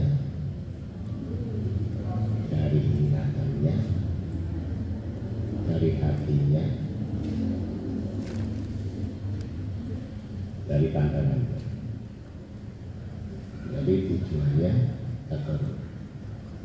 Ini bahasa mendekat ini dengan usaha lewat usaha yang pertama menyendiri yang kedua adalah korban jadi memutuskan hubungan dunia luar. Saudara istri anak famili sahabat atau teman sudah tidak ada yang ada cuma Allah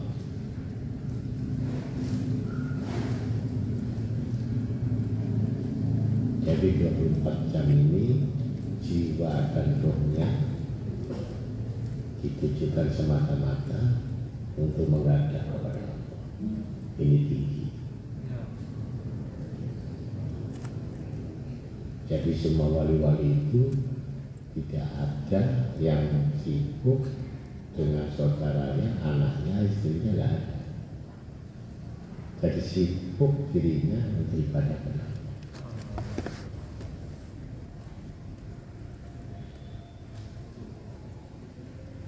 Ketika sudah dijawab oleh Allah pendekatannya ini maka dia dianugerahkan pangkat namanya al mukorobin itu orang itulah orang yang dekat dengan Tuhan. Dan itu sangat membahayakan bagi lingkungan yang lain-lain. Khawatir ucapannya ucapannya jadi kun fayakun apa yang dikehendaki adalah bersama dengan Tuhan. Itu yang disebut Quran.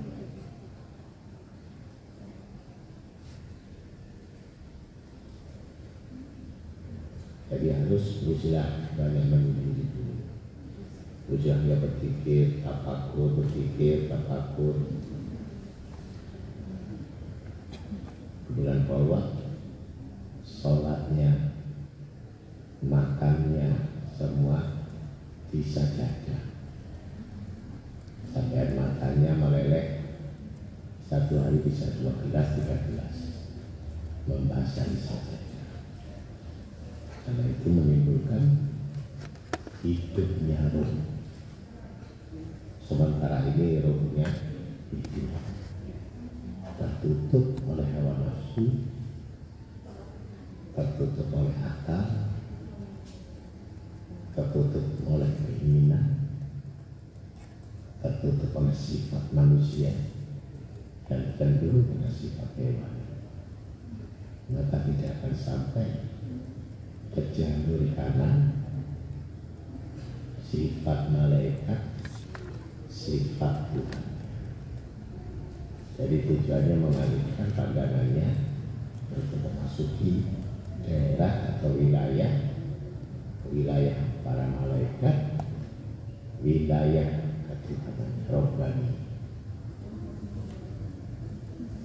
Baru di hatimu lintasan atau di pikiranmu akan terbaca dan didengar oleh Allah dan dikabulkan segera. Itu orang korbi.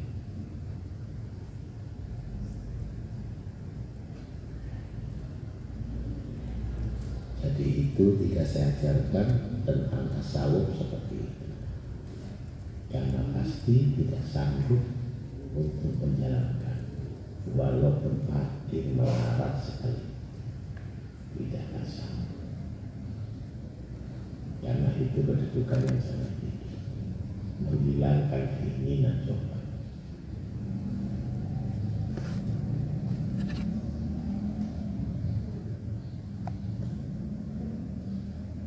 untuk sekedar pengetahuan boleh siapakah orang-orang mukorobin ya itulah orang-orang yang sudah menyingkirkan kehidupan-kehidupan yang pada umumnya manusia itu membutuhkan.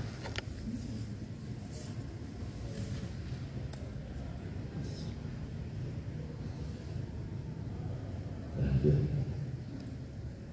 Jangan kamu dan belajar.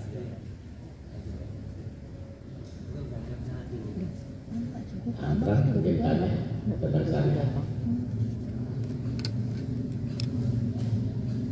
belum ada dulu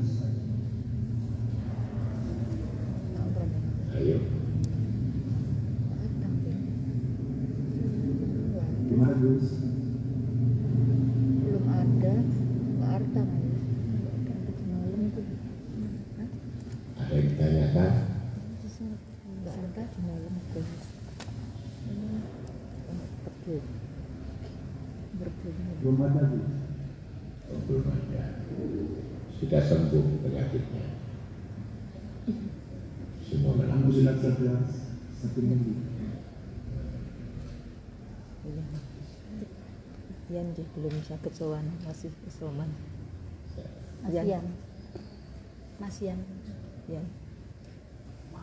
masih isoman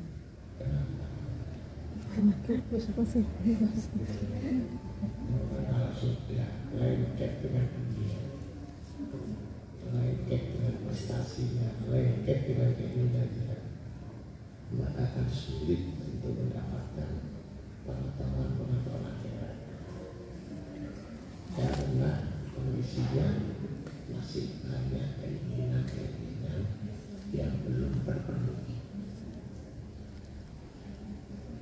Kalau manusia merasa cukup apa yang diinginkan berarti dunia itu sudah terpenuhi walaupun tidak sepenuhnya. Tetapi tidak menjadikan jalan. Kalau dunia itu jadikan jalan maka itu adalah hari tangan untuk dapat pengetahuan agama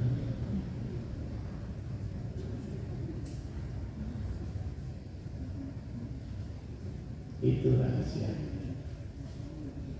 maka sering pertanyaan kamu walaupun kamu sudah mendapatkan jutaan nasihat tapi kalau kamu menasihati dirimu sendiri maka kamu termasuk golongan orang-orang yang lalai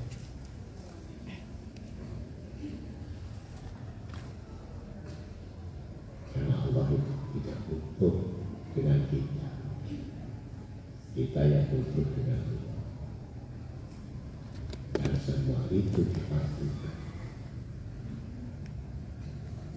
bagi orang yang mengaku beriman harus percaya yang pertama saja mukotimanya alladzina yu'minuna bil ghaib orang beriman itu harus percaya dengan gaib tapi banyak salah mengartikan oleh Tuhan pertama itu ada kehidupan dalam kubur yang kedua harus percaya kita akan dibangkitkan pada masa hari masa yang ketiga kita harus percaya amal kita akan ditimbang dan tidak ada yang hilang walaupun sedikit sekali dosa-dosa akan tercatat lembaran itu yang akan ditimbang di mizan yang keempat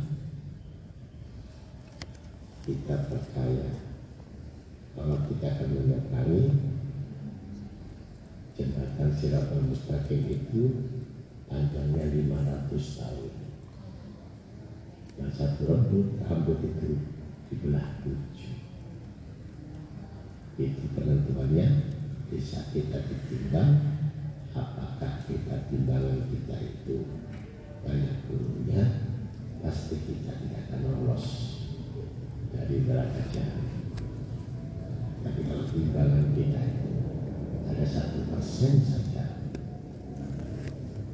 satu ton saja kita ada kebaikannya maka kita akan selamat melewati jembatan siratul mustaqim itu ketentuannya demikian maka wajib bagi orang beriman untuk menghitung amal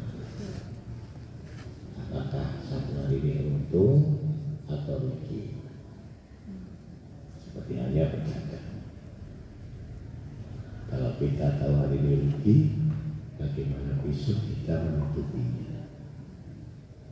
Kalau kita ada untung bagaimana kita menambahkan lagi hubungan itu itulah orang-orang yang cerdas orang-orang yang berakal jangan dianggap kelalaian dalam hidup itu tidak ada hitungan dan tidak tertulis atau tercatat bahkan tidak bisa untung tuh mbak. Kalau untung ditambah kalau rugi ditutupi ditutupi kejahatan keburukan yang kita lakukan akan jadi timbang maka tempuhlah sisa-sisa umur ini dengan banyak beramal. Banyak berpikir, banyak bertobat banyak-banyak mengingat mati agar amal kita nanti timbangannya itu menjadi golongan ashabul yamin. Golongan kiri ashabul shimal Mini, minimal balance 50-50 jahatnya 50 baiknya 50 ada satu sholat yang lebih maka ditambahkan Rasulullah SAW di timbangan kita. Sehingga menjadi kebaikan dari timbangan itu sehingga kita lolos daripada titian jembatan siratul mustaqim. Ingat waktu kita sangat singkat. Terus kalau sudah selamat dari mizan menuju jembatan sirat, apakah sudah pasti juga selamat? Karena dia sudah Iya. selamat dari mizan, timbangannya lebih banyak yang kanan. jelas Dia dia bisa eh, sudah jelas pasti bisa melewati jembatan sirat. tadi kan saya sudah bicarakan kalau timbangan kita banyak amal soleh walaupun satu persen maka kita akan ditolong oleh kita SAW tentunya yang 500 tahun Kalau orang yang terjatuh dari jembatan sirat tuh orang yang ya jelek se- yang oh yang hidup banyak. Oh, enggak, kalau timbangannya buruk ya banyak ya pasti satu langkah saja sudah yang buruk. Dan perhitungannya ada 500 tahun, 1000 tahun hukumannya di neraka itu. Baru nanti dibangkitkan bisa masuk surga. Sesuai hukuman itu apakah pasalnya berlapis atau pasalnya satu cuma 10 tahun? Gitu. itu semua kita akan mengalami. Maka orang beriman tidak akan tenang. Orang merasa diri takwa tidak tenang. Karena kita tidak tahu apakah kita di amal kita lebih baik atau kita amal kita masih sedikit. Itu yang harus dipertimbangkan. Jangan dilalaikan dengan kehidupan dunia ini yang sifatnya justru akan menambahkan amalan-amalan tertulis secara kejahatan atau keburukan. Itu disebut khosiri orang-orang yang rugi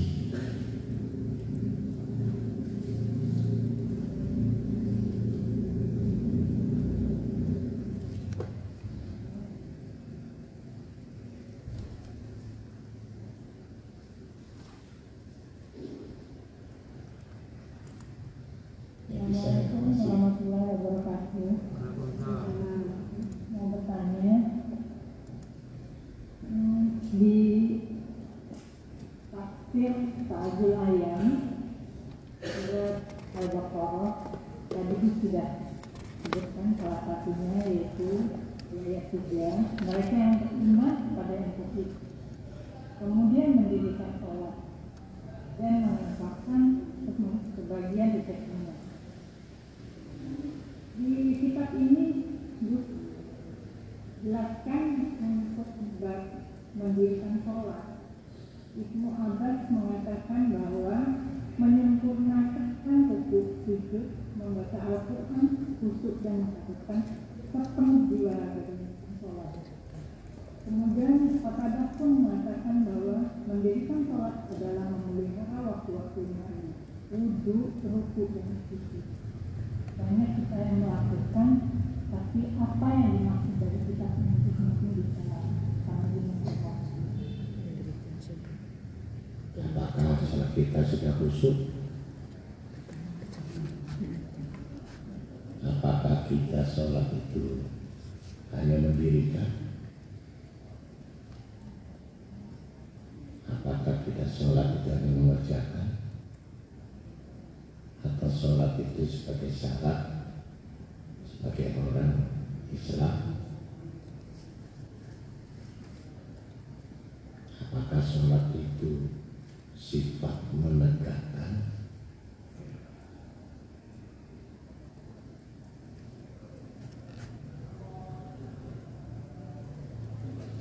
bisa menegakkan sholat maka sesuai dengan hadis Rasulullah SAW as-salatu mi'rajil mu'min sholat itu terbang sholat itu nembus langit tujuh. Kemudian sujudnya sholat itu menembus bumi lapis tujuh jadi kamu mengetahui isi bumi itu apa itu menegakkan sholat kalau mengerjakan, mendirikan, ya kamu seperti ruku dan sujud tidak perlu khusyuk.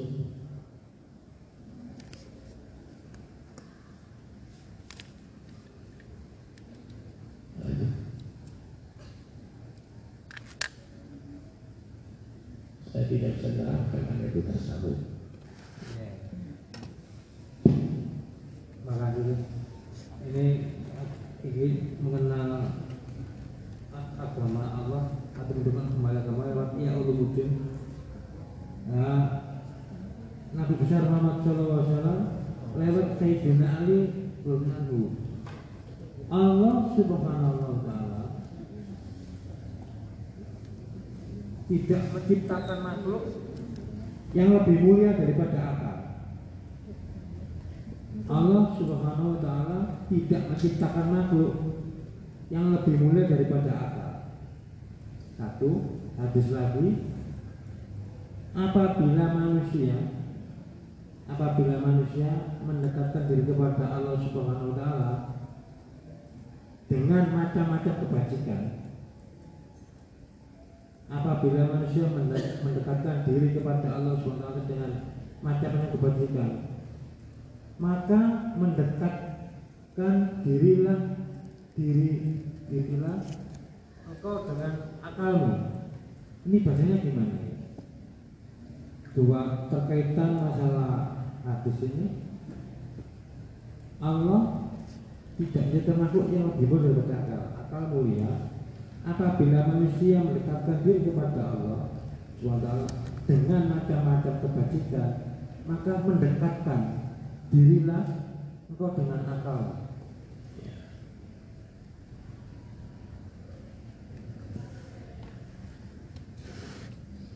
Orang yang disebut berapa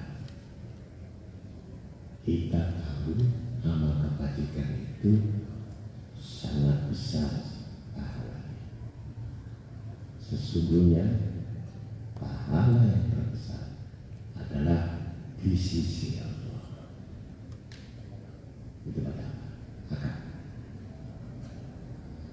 Padahal dia mengetahui tapi kenapa tidak dipertimbangkan? Ketika mau beramal soleh, ketika mau sholat malam, ketika memikirkannya, kenapa mengurangi semua aspek amal kebajikan itu? Orang berakal? Berarti itu orang yang kurang akal dan lemah akal bukan orang berakal. Jadi ciptaan manusia ini tiga macam.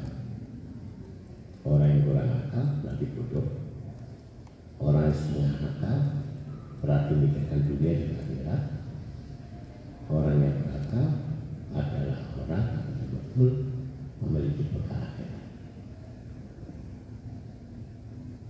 mengetahui nilai akal apa nilai amal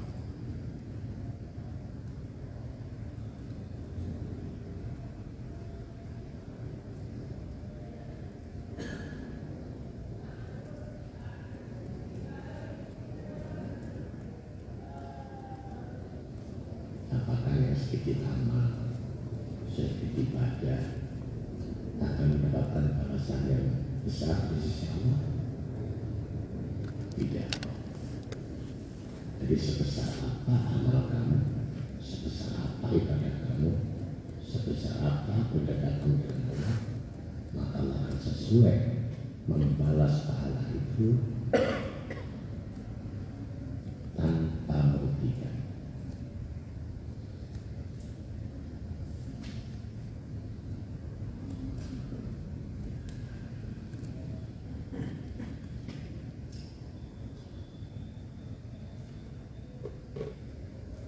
Jadi harus diketahui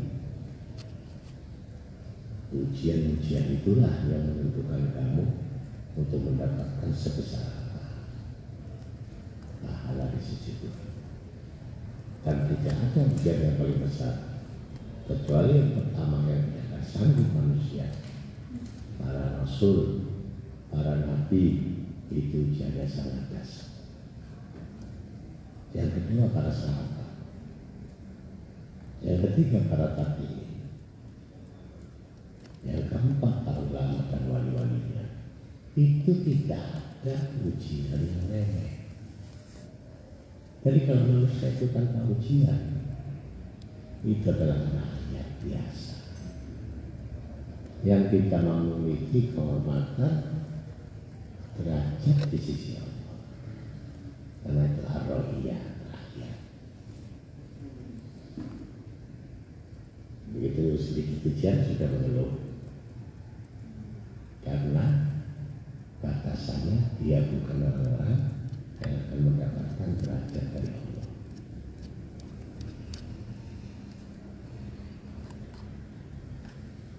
Itu levelnya dari mukmin turun ke muslim.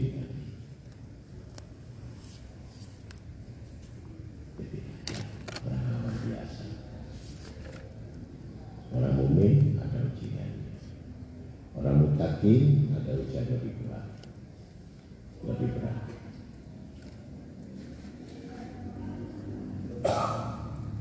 orang mukorokin lebih kuat ujian para wali-wali lebih dasar lagi. Tapi semua di bawah daripada Nabi dan Rasul. Tidak ada bandingannya ujian-ujian yang minta kepada kita dibandingkan Rasulullah Sallallahu Alaihi Wasallam atau para nabi yang lain.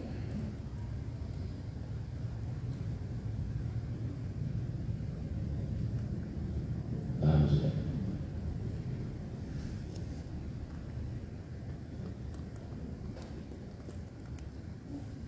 Jadi ujian yang dialami manusia itu sesuai dengan derajat yang diberikan kepada sesuai. Jadi ada orang yang dapat angkat dari Allah tanpa ujian. Sesuai dengan kadar kapasitas fasilitas yang dimiliki. Ya tidak sanggup, nggak mungkin Allah menguji.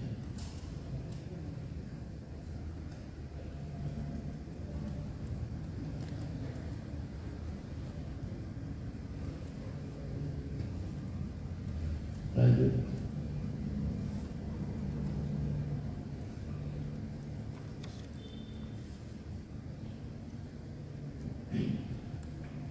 Selanjutnya ini sebuah ayat atau cerita dari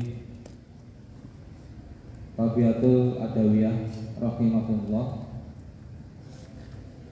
bahwa ia berkata Aku pernah membaca tasbih cukup banyak pada suatu malam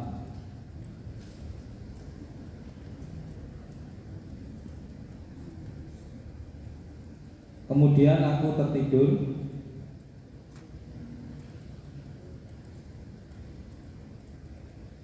Ketika tidur tersebut aku mimpi melihat pohon hijau Yang enak dipandang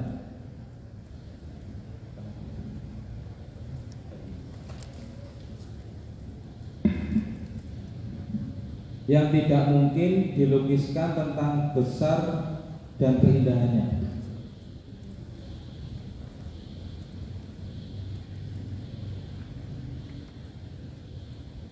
Ternyata pohon tersebut memiliki tiga jenis buah yang tidak aku kenal di dunia.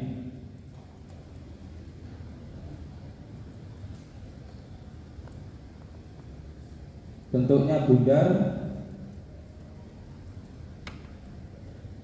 dan berwarna putih merah, dan kuning.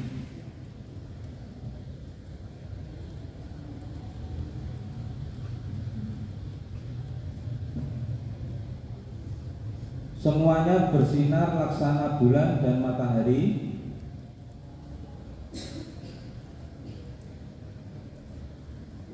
yang memancar di sela dedaunan yang berwarna hijau.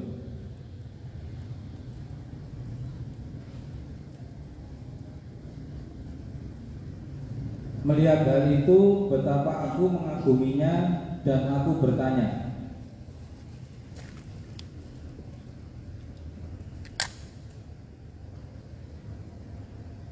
Milik siapakah pohon ini?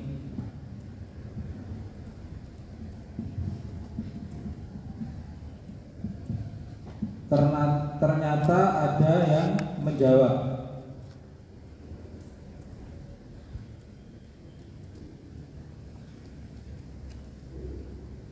Ini adalah milikmu sebagai balasan atas tasbih tasbih yang kamu baca tadi.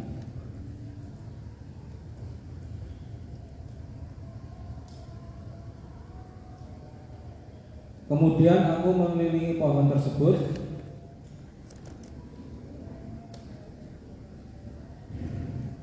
Ternyata aku melihat cukup banyak buah berserakan di bawahnya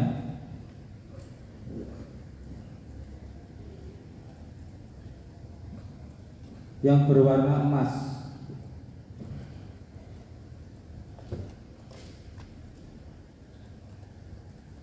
Maka aku bergumam Andai saja sebuah yang berserakan ini berada di pohon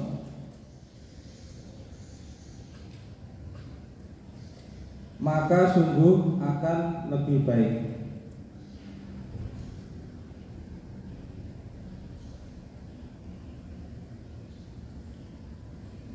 Seseorang berkata,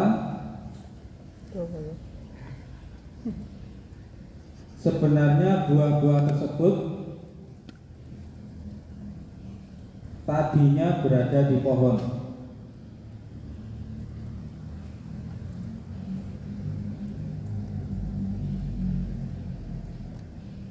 Hanya saja ketika kamu membaca tasbih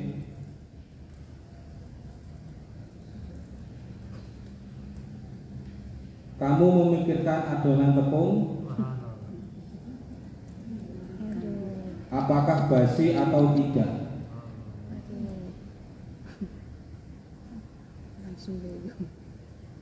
Maka buah-buah tersebut berjatuhan.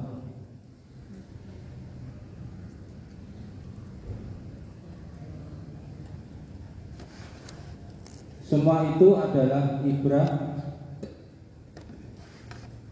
bagi orang-orang yang berakal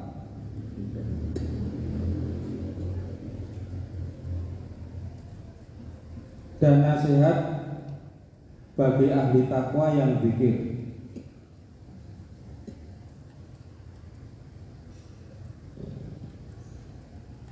Sekalian guru ini ada amal yang benar dan amal yang hak.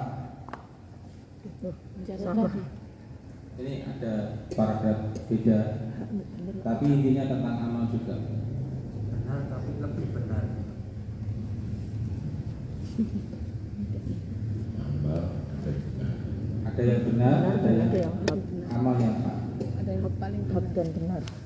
Allah Subhanahu wa taala berfirman di dalam Quran surat Al-A'raf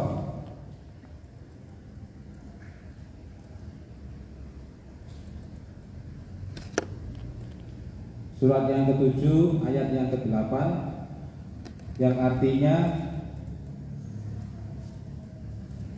timbangan pada hari itu ialah kebenaran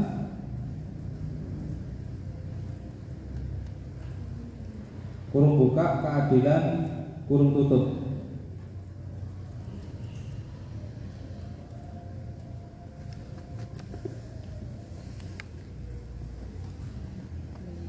diartikan mereka yang melakukan suatu amal yang mereka sangka sebagai amal yang baik namun ketika dihisap ternyata yang mereka peroleh adalah kejelekan amal yang benar adalah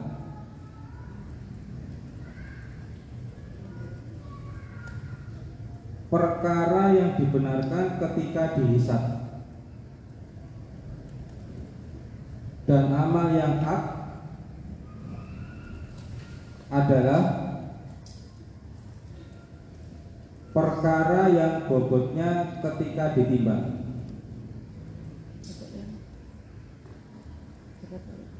Bobotnya kok. Bobotnya apa? Bobotnya perkara yang bobotnya. Ditimbang, bobotnya? Tertimbang. yang hak Yang baik, yang Iya. Perkara yang artinya perkara yang berbobot ketika dinimbang Mau bobotnya. bernya kurang. Mau bobotnya. Yang hak adalah perkara yang berbobot ketika ditimbang Ya. Tadi, tadi nggak pakai ber.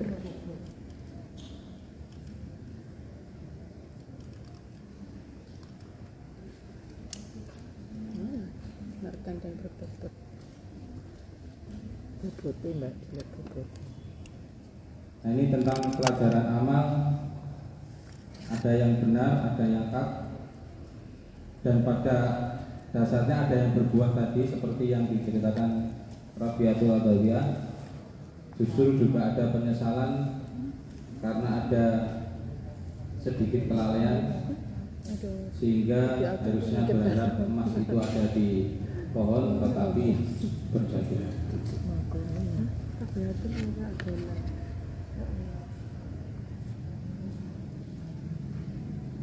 Kalau seseorang itu ibadah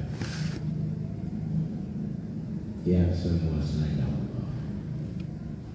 Maka itu adalah penyimpangan. Dan penyimpangan itu tidak ada bobotnya padahal kebanyakan orang awam kalau beramal memiliki tendensi motivasi dan harapan yang semua selain Allah ibarat yang melihat pohon yang tidak berbuah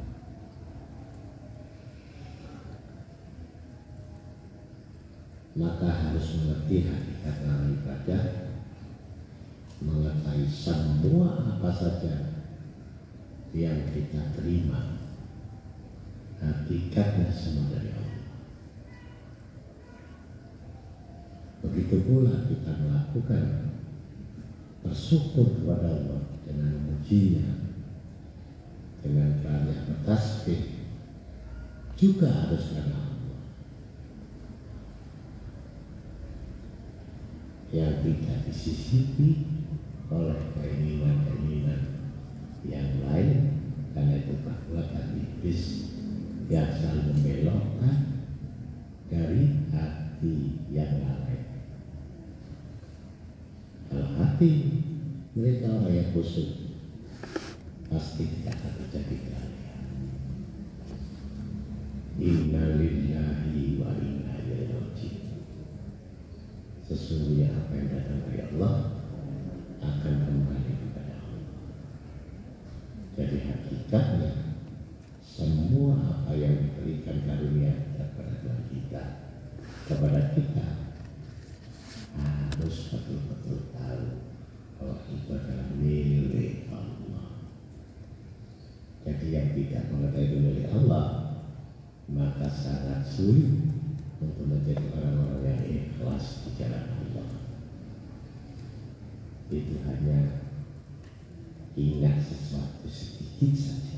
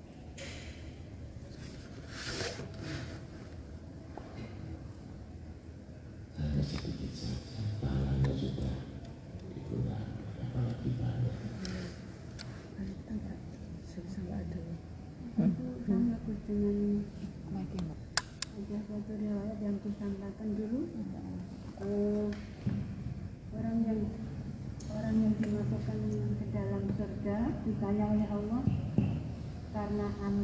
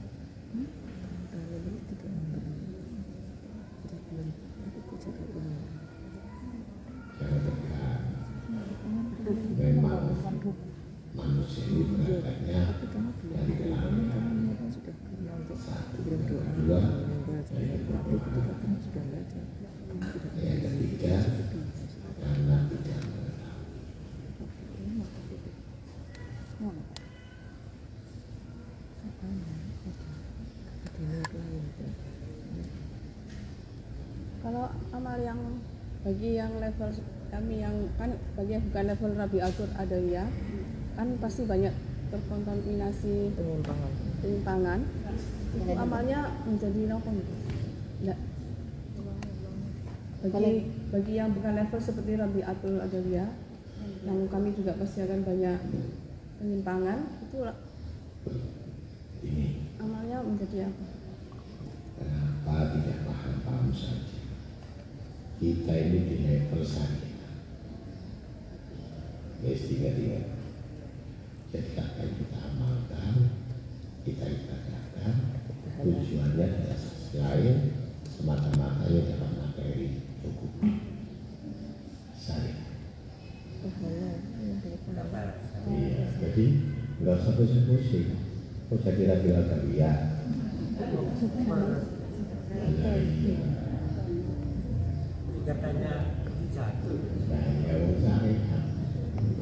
itu gelembung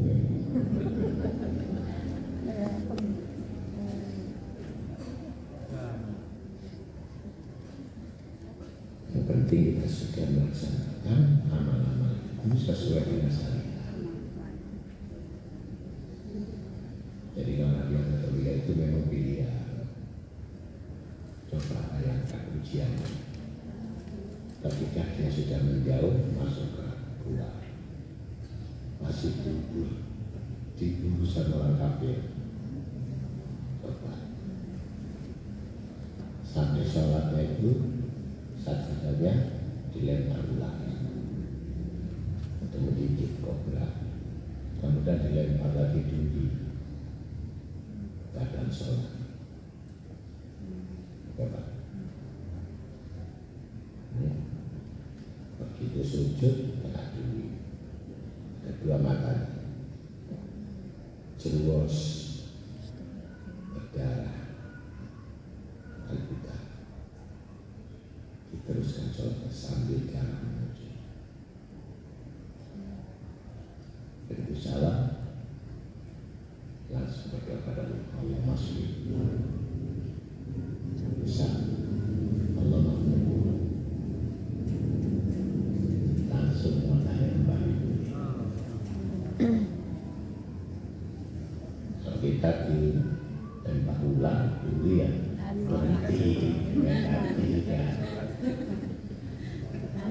つぶつ。つぶつ。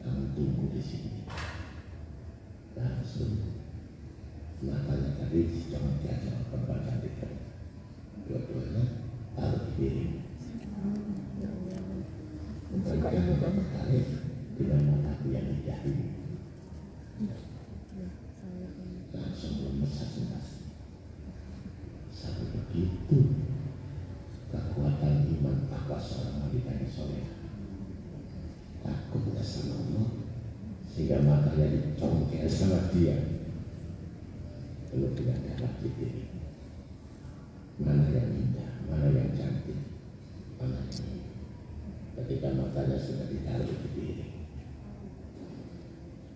Ketika,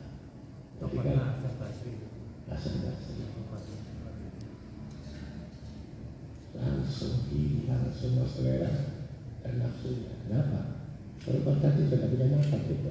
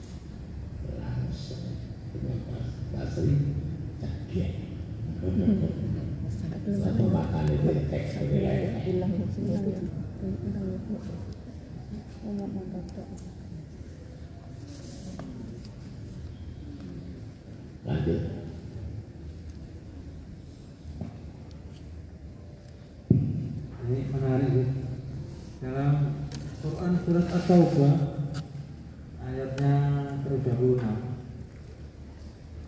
dan tidaklah dan tidaklah mereka orang-orang munafik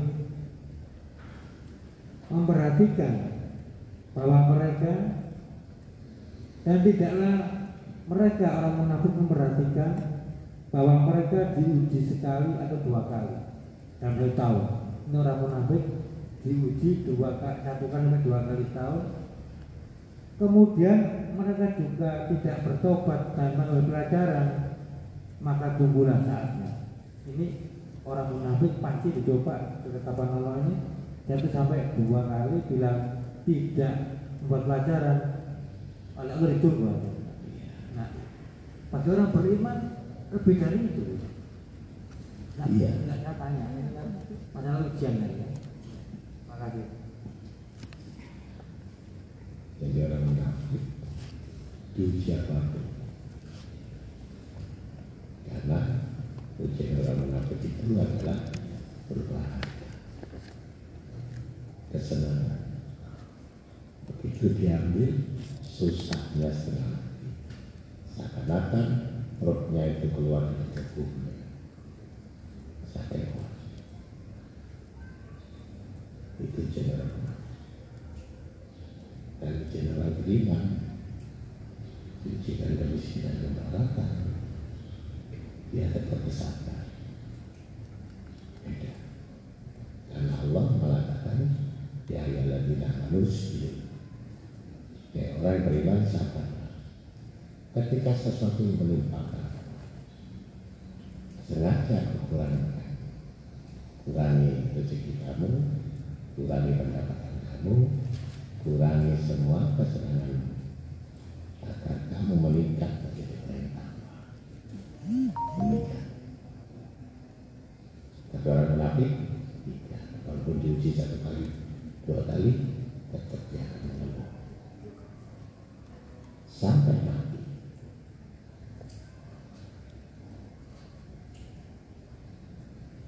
Dan mengatakan Allah sudah tidak melihat aku Allah sudah membiarkan aku Allah tidak peduli dengan aku. Itulah kalimat-kalimat orang munafik.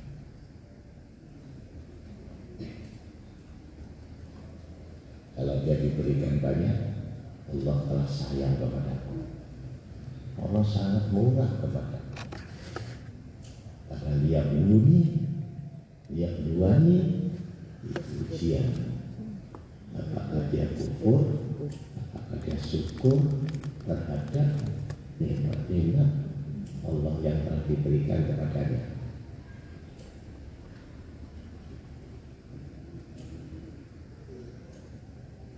Itu perbandingan iman sama orang munafik. Ini hadis ini puji eh, orang yang mungkin yang dikagumi oleh hadisnya. Sungguh mengagumkan. Sungguh mengagumkan urusan seorang mukmin tidaklah Allah Subhanahu wa taala memberikan keputusan kepadanya kecuali itu baik padanya. Jadi kemudian bila dia diberi apa pun dia baik padanya. jika dia ditimpa malapetaka musibah jika dia ditimpa malapetaka musibah dia sabar maka itu baik baginya jika dia ditimpa malapetaka musibah lalu sabar maka hal, hal, hal itu baik baginya. Dan bila mendapat kesenangan lalu dia bersyukur bila dia mendapat kesenangan lalu dia bersyukur maka hal, hal itu baik baginya. Itulah orang mukmin. Tapi dapat penghargaan dari Allah. Uh, dia kona'ah apa yang tekan Allah dia menerima dia kalau dia diberi bersyukur dicoba dia sabar. Itu jadi orang mukmin ini pandangan ini kan sulit tuh uh, gak gampang kan? Kalau kita mengatakan oh mukmin enak dapat uh, pengagungan Allah gini ya? Maaf mau mau mukminnya gimana mau? Tidak disebut orang mukmin yang tidak memiliki keteguhan dan ketabahan dalam segala hal.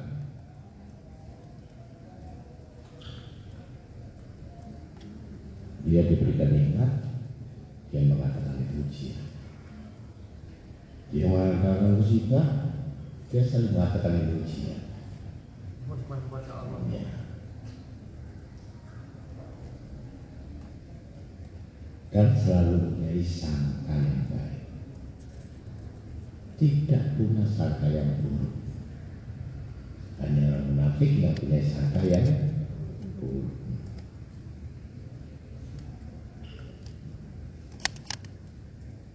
Karena takdir keputusan itu adalah yang terbaik bagi orang-orang mukmin.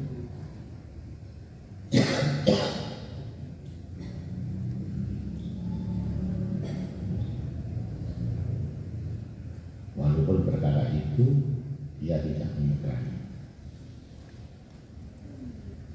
Jadi jangan datang itu pasti manusia akan membenci dan tidak menyukainya.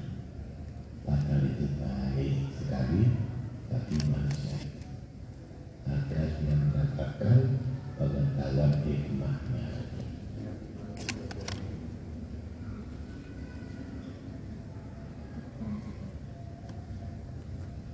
Kalau tidak tahu, ya berarti buta. Buta pengetahuan, buta agama.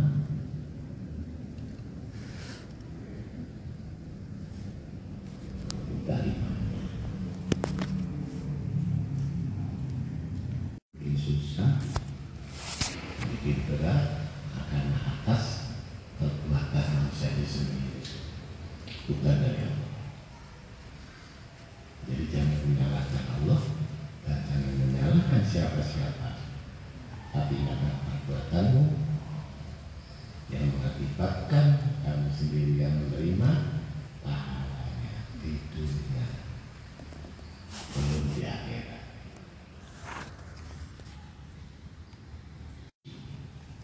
Ya dapat hukuman 15 tahun.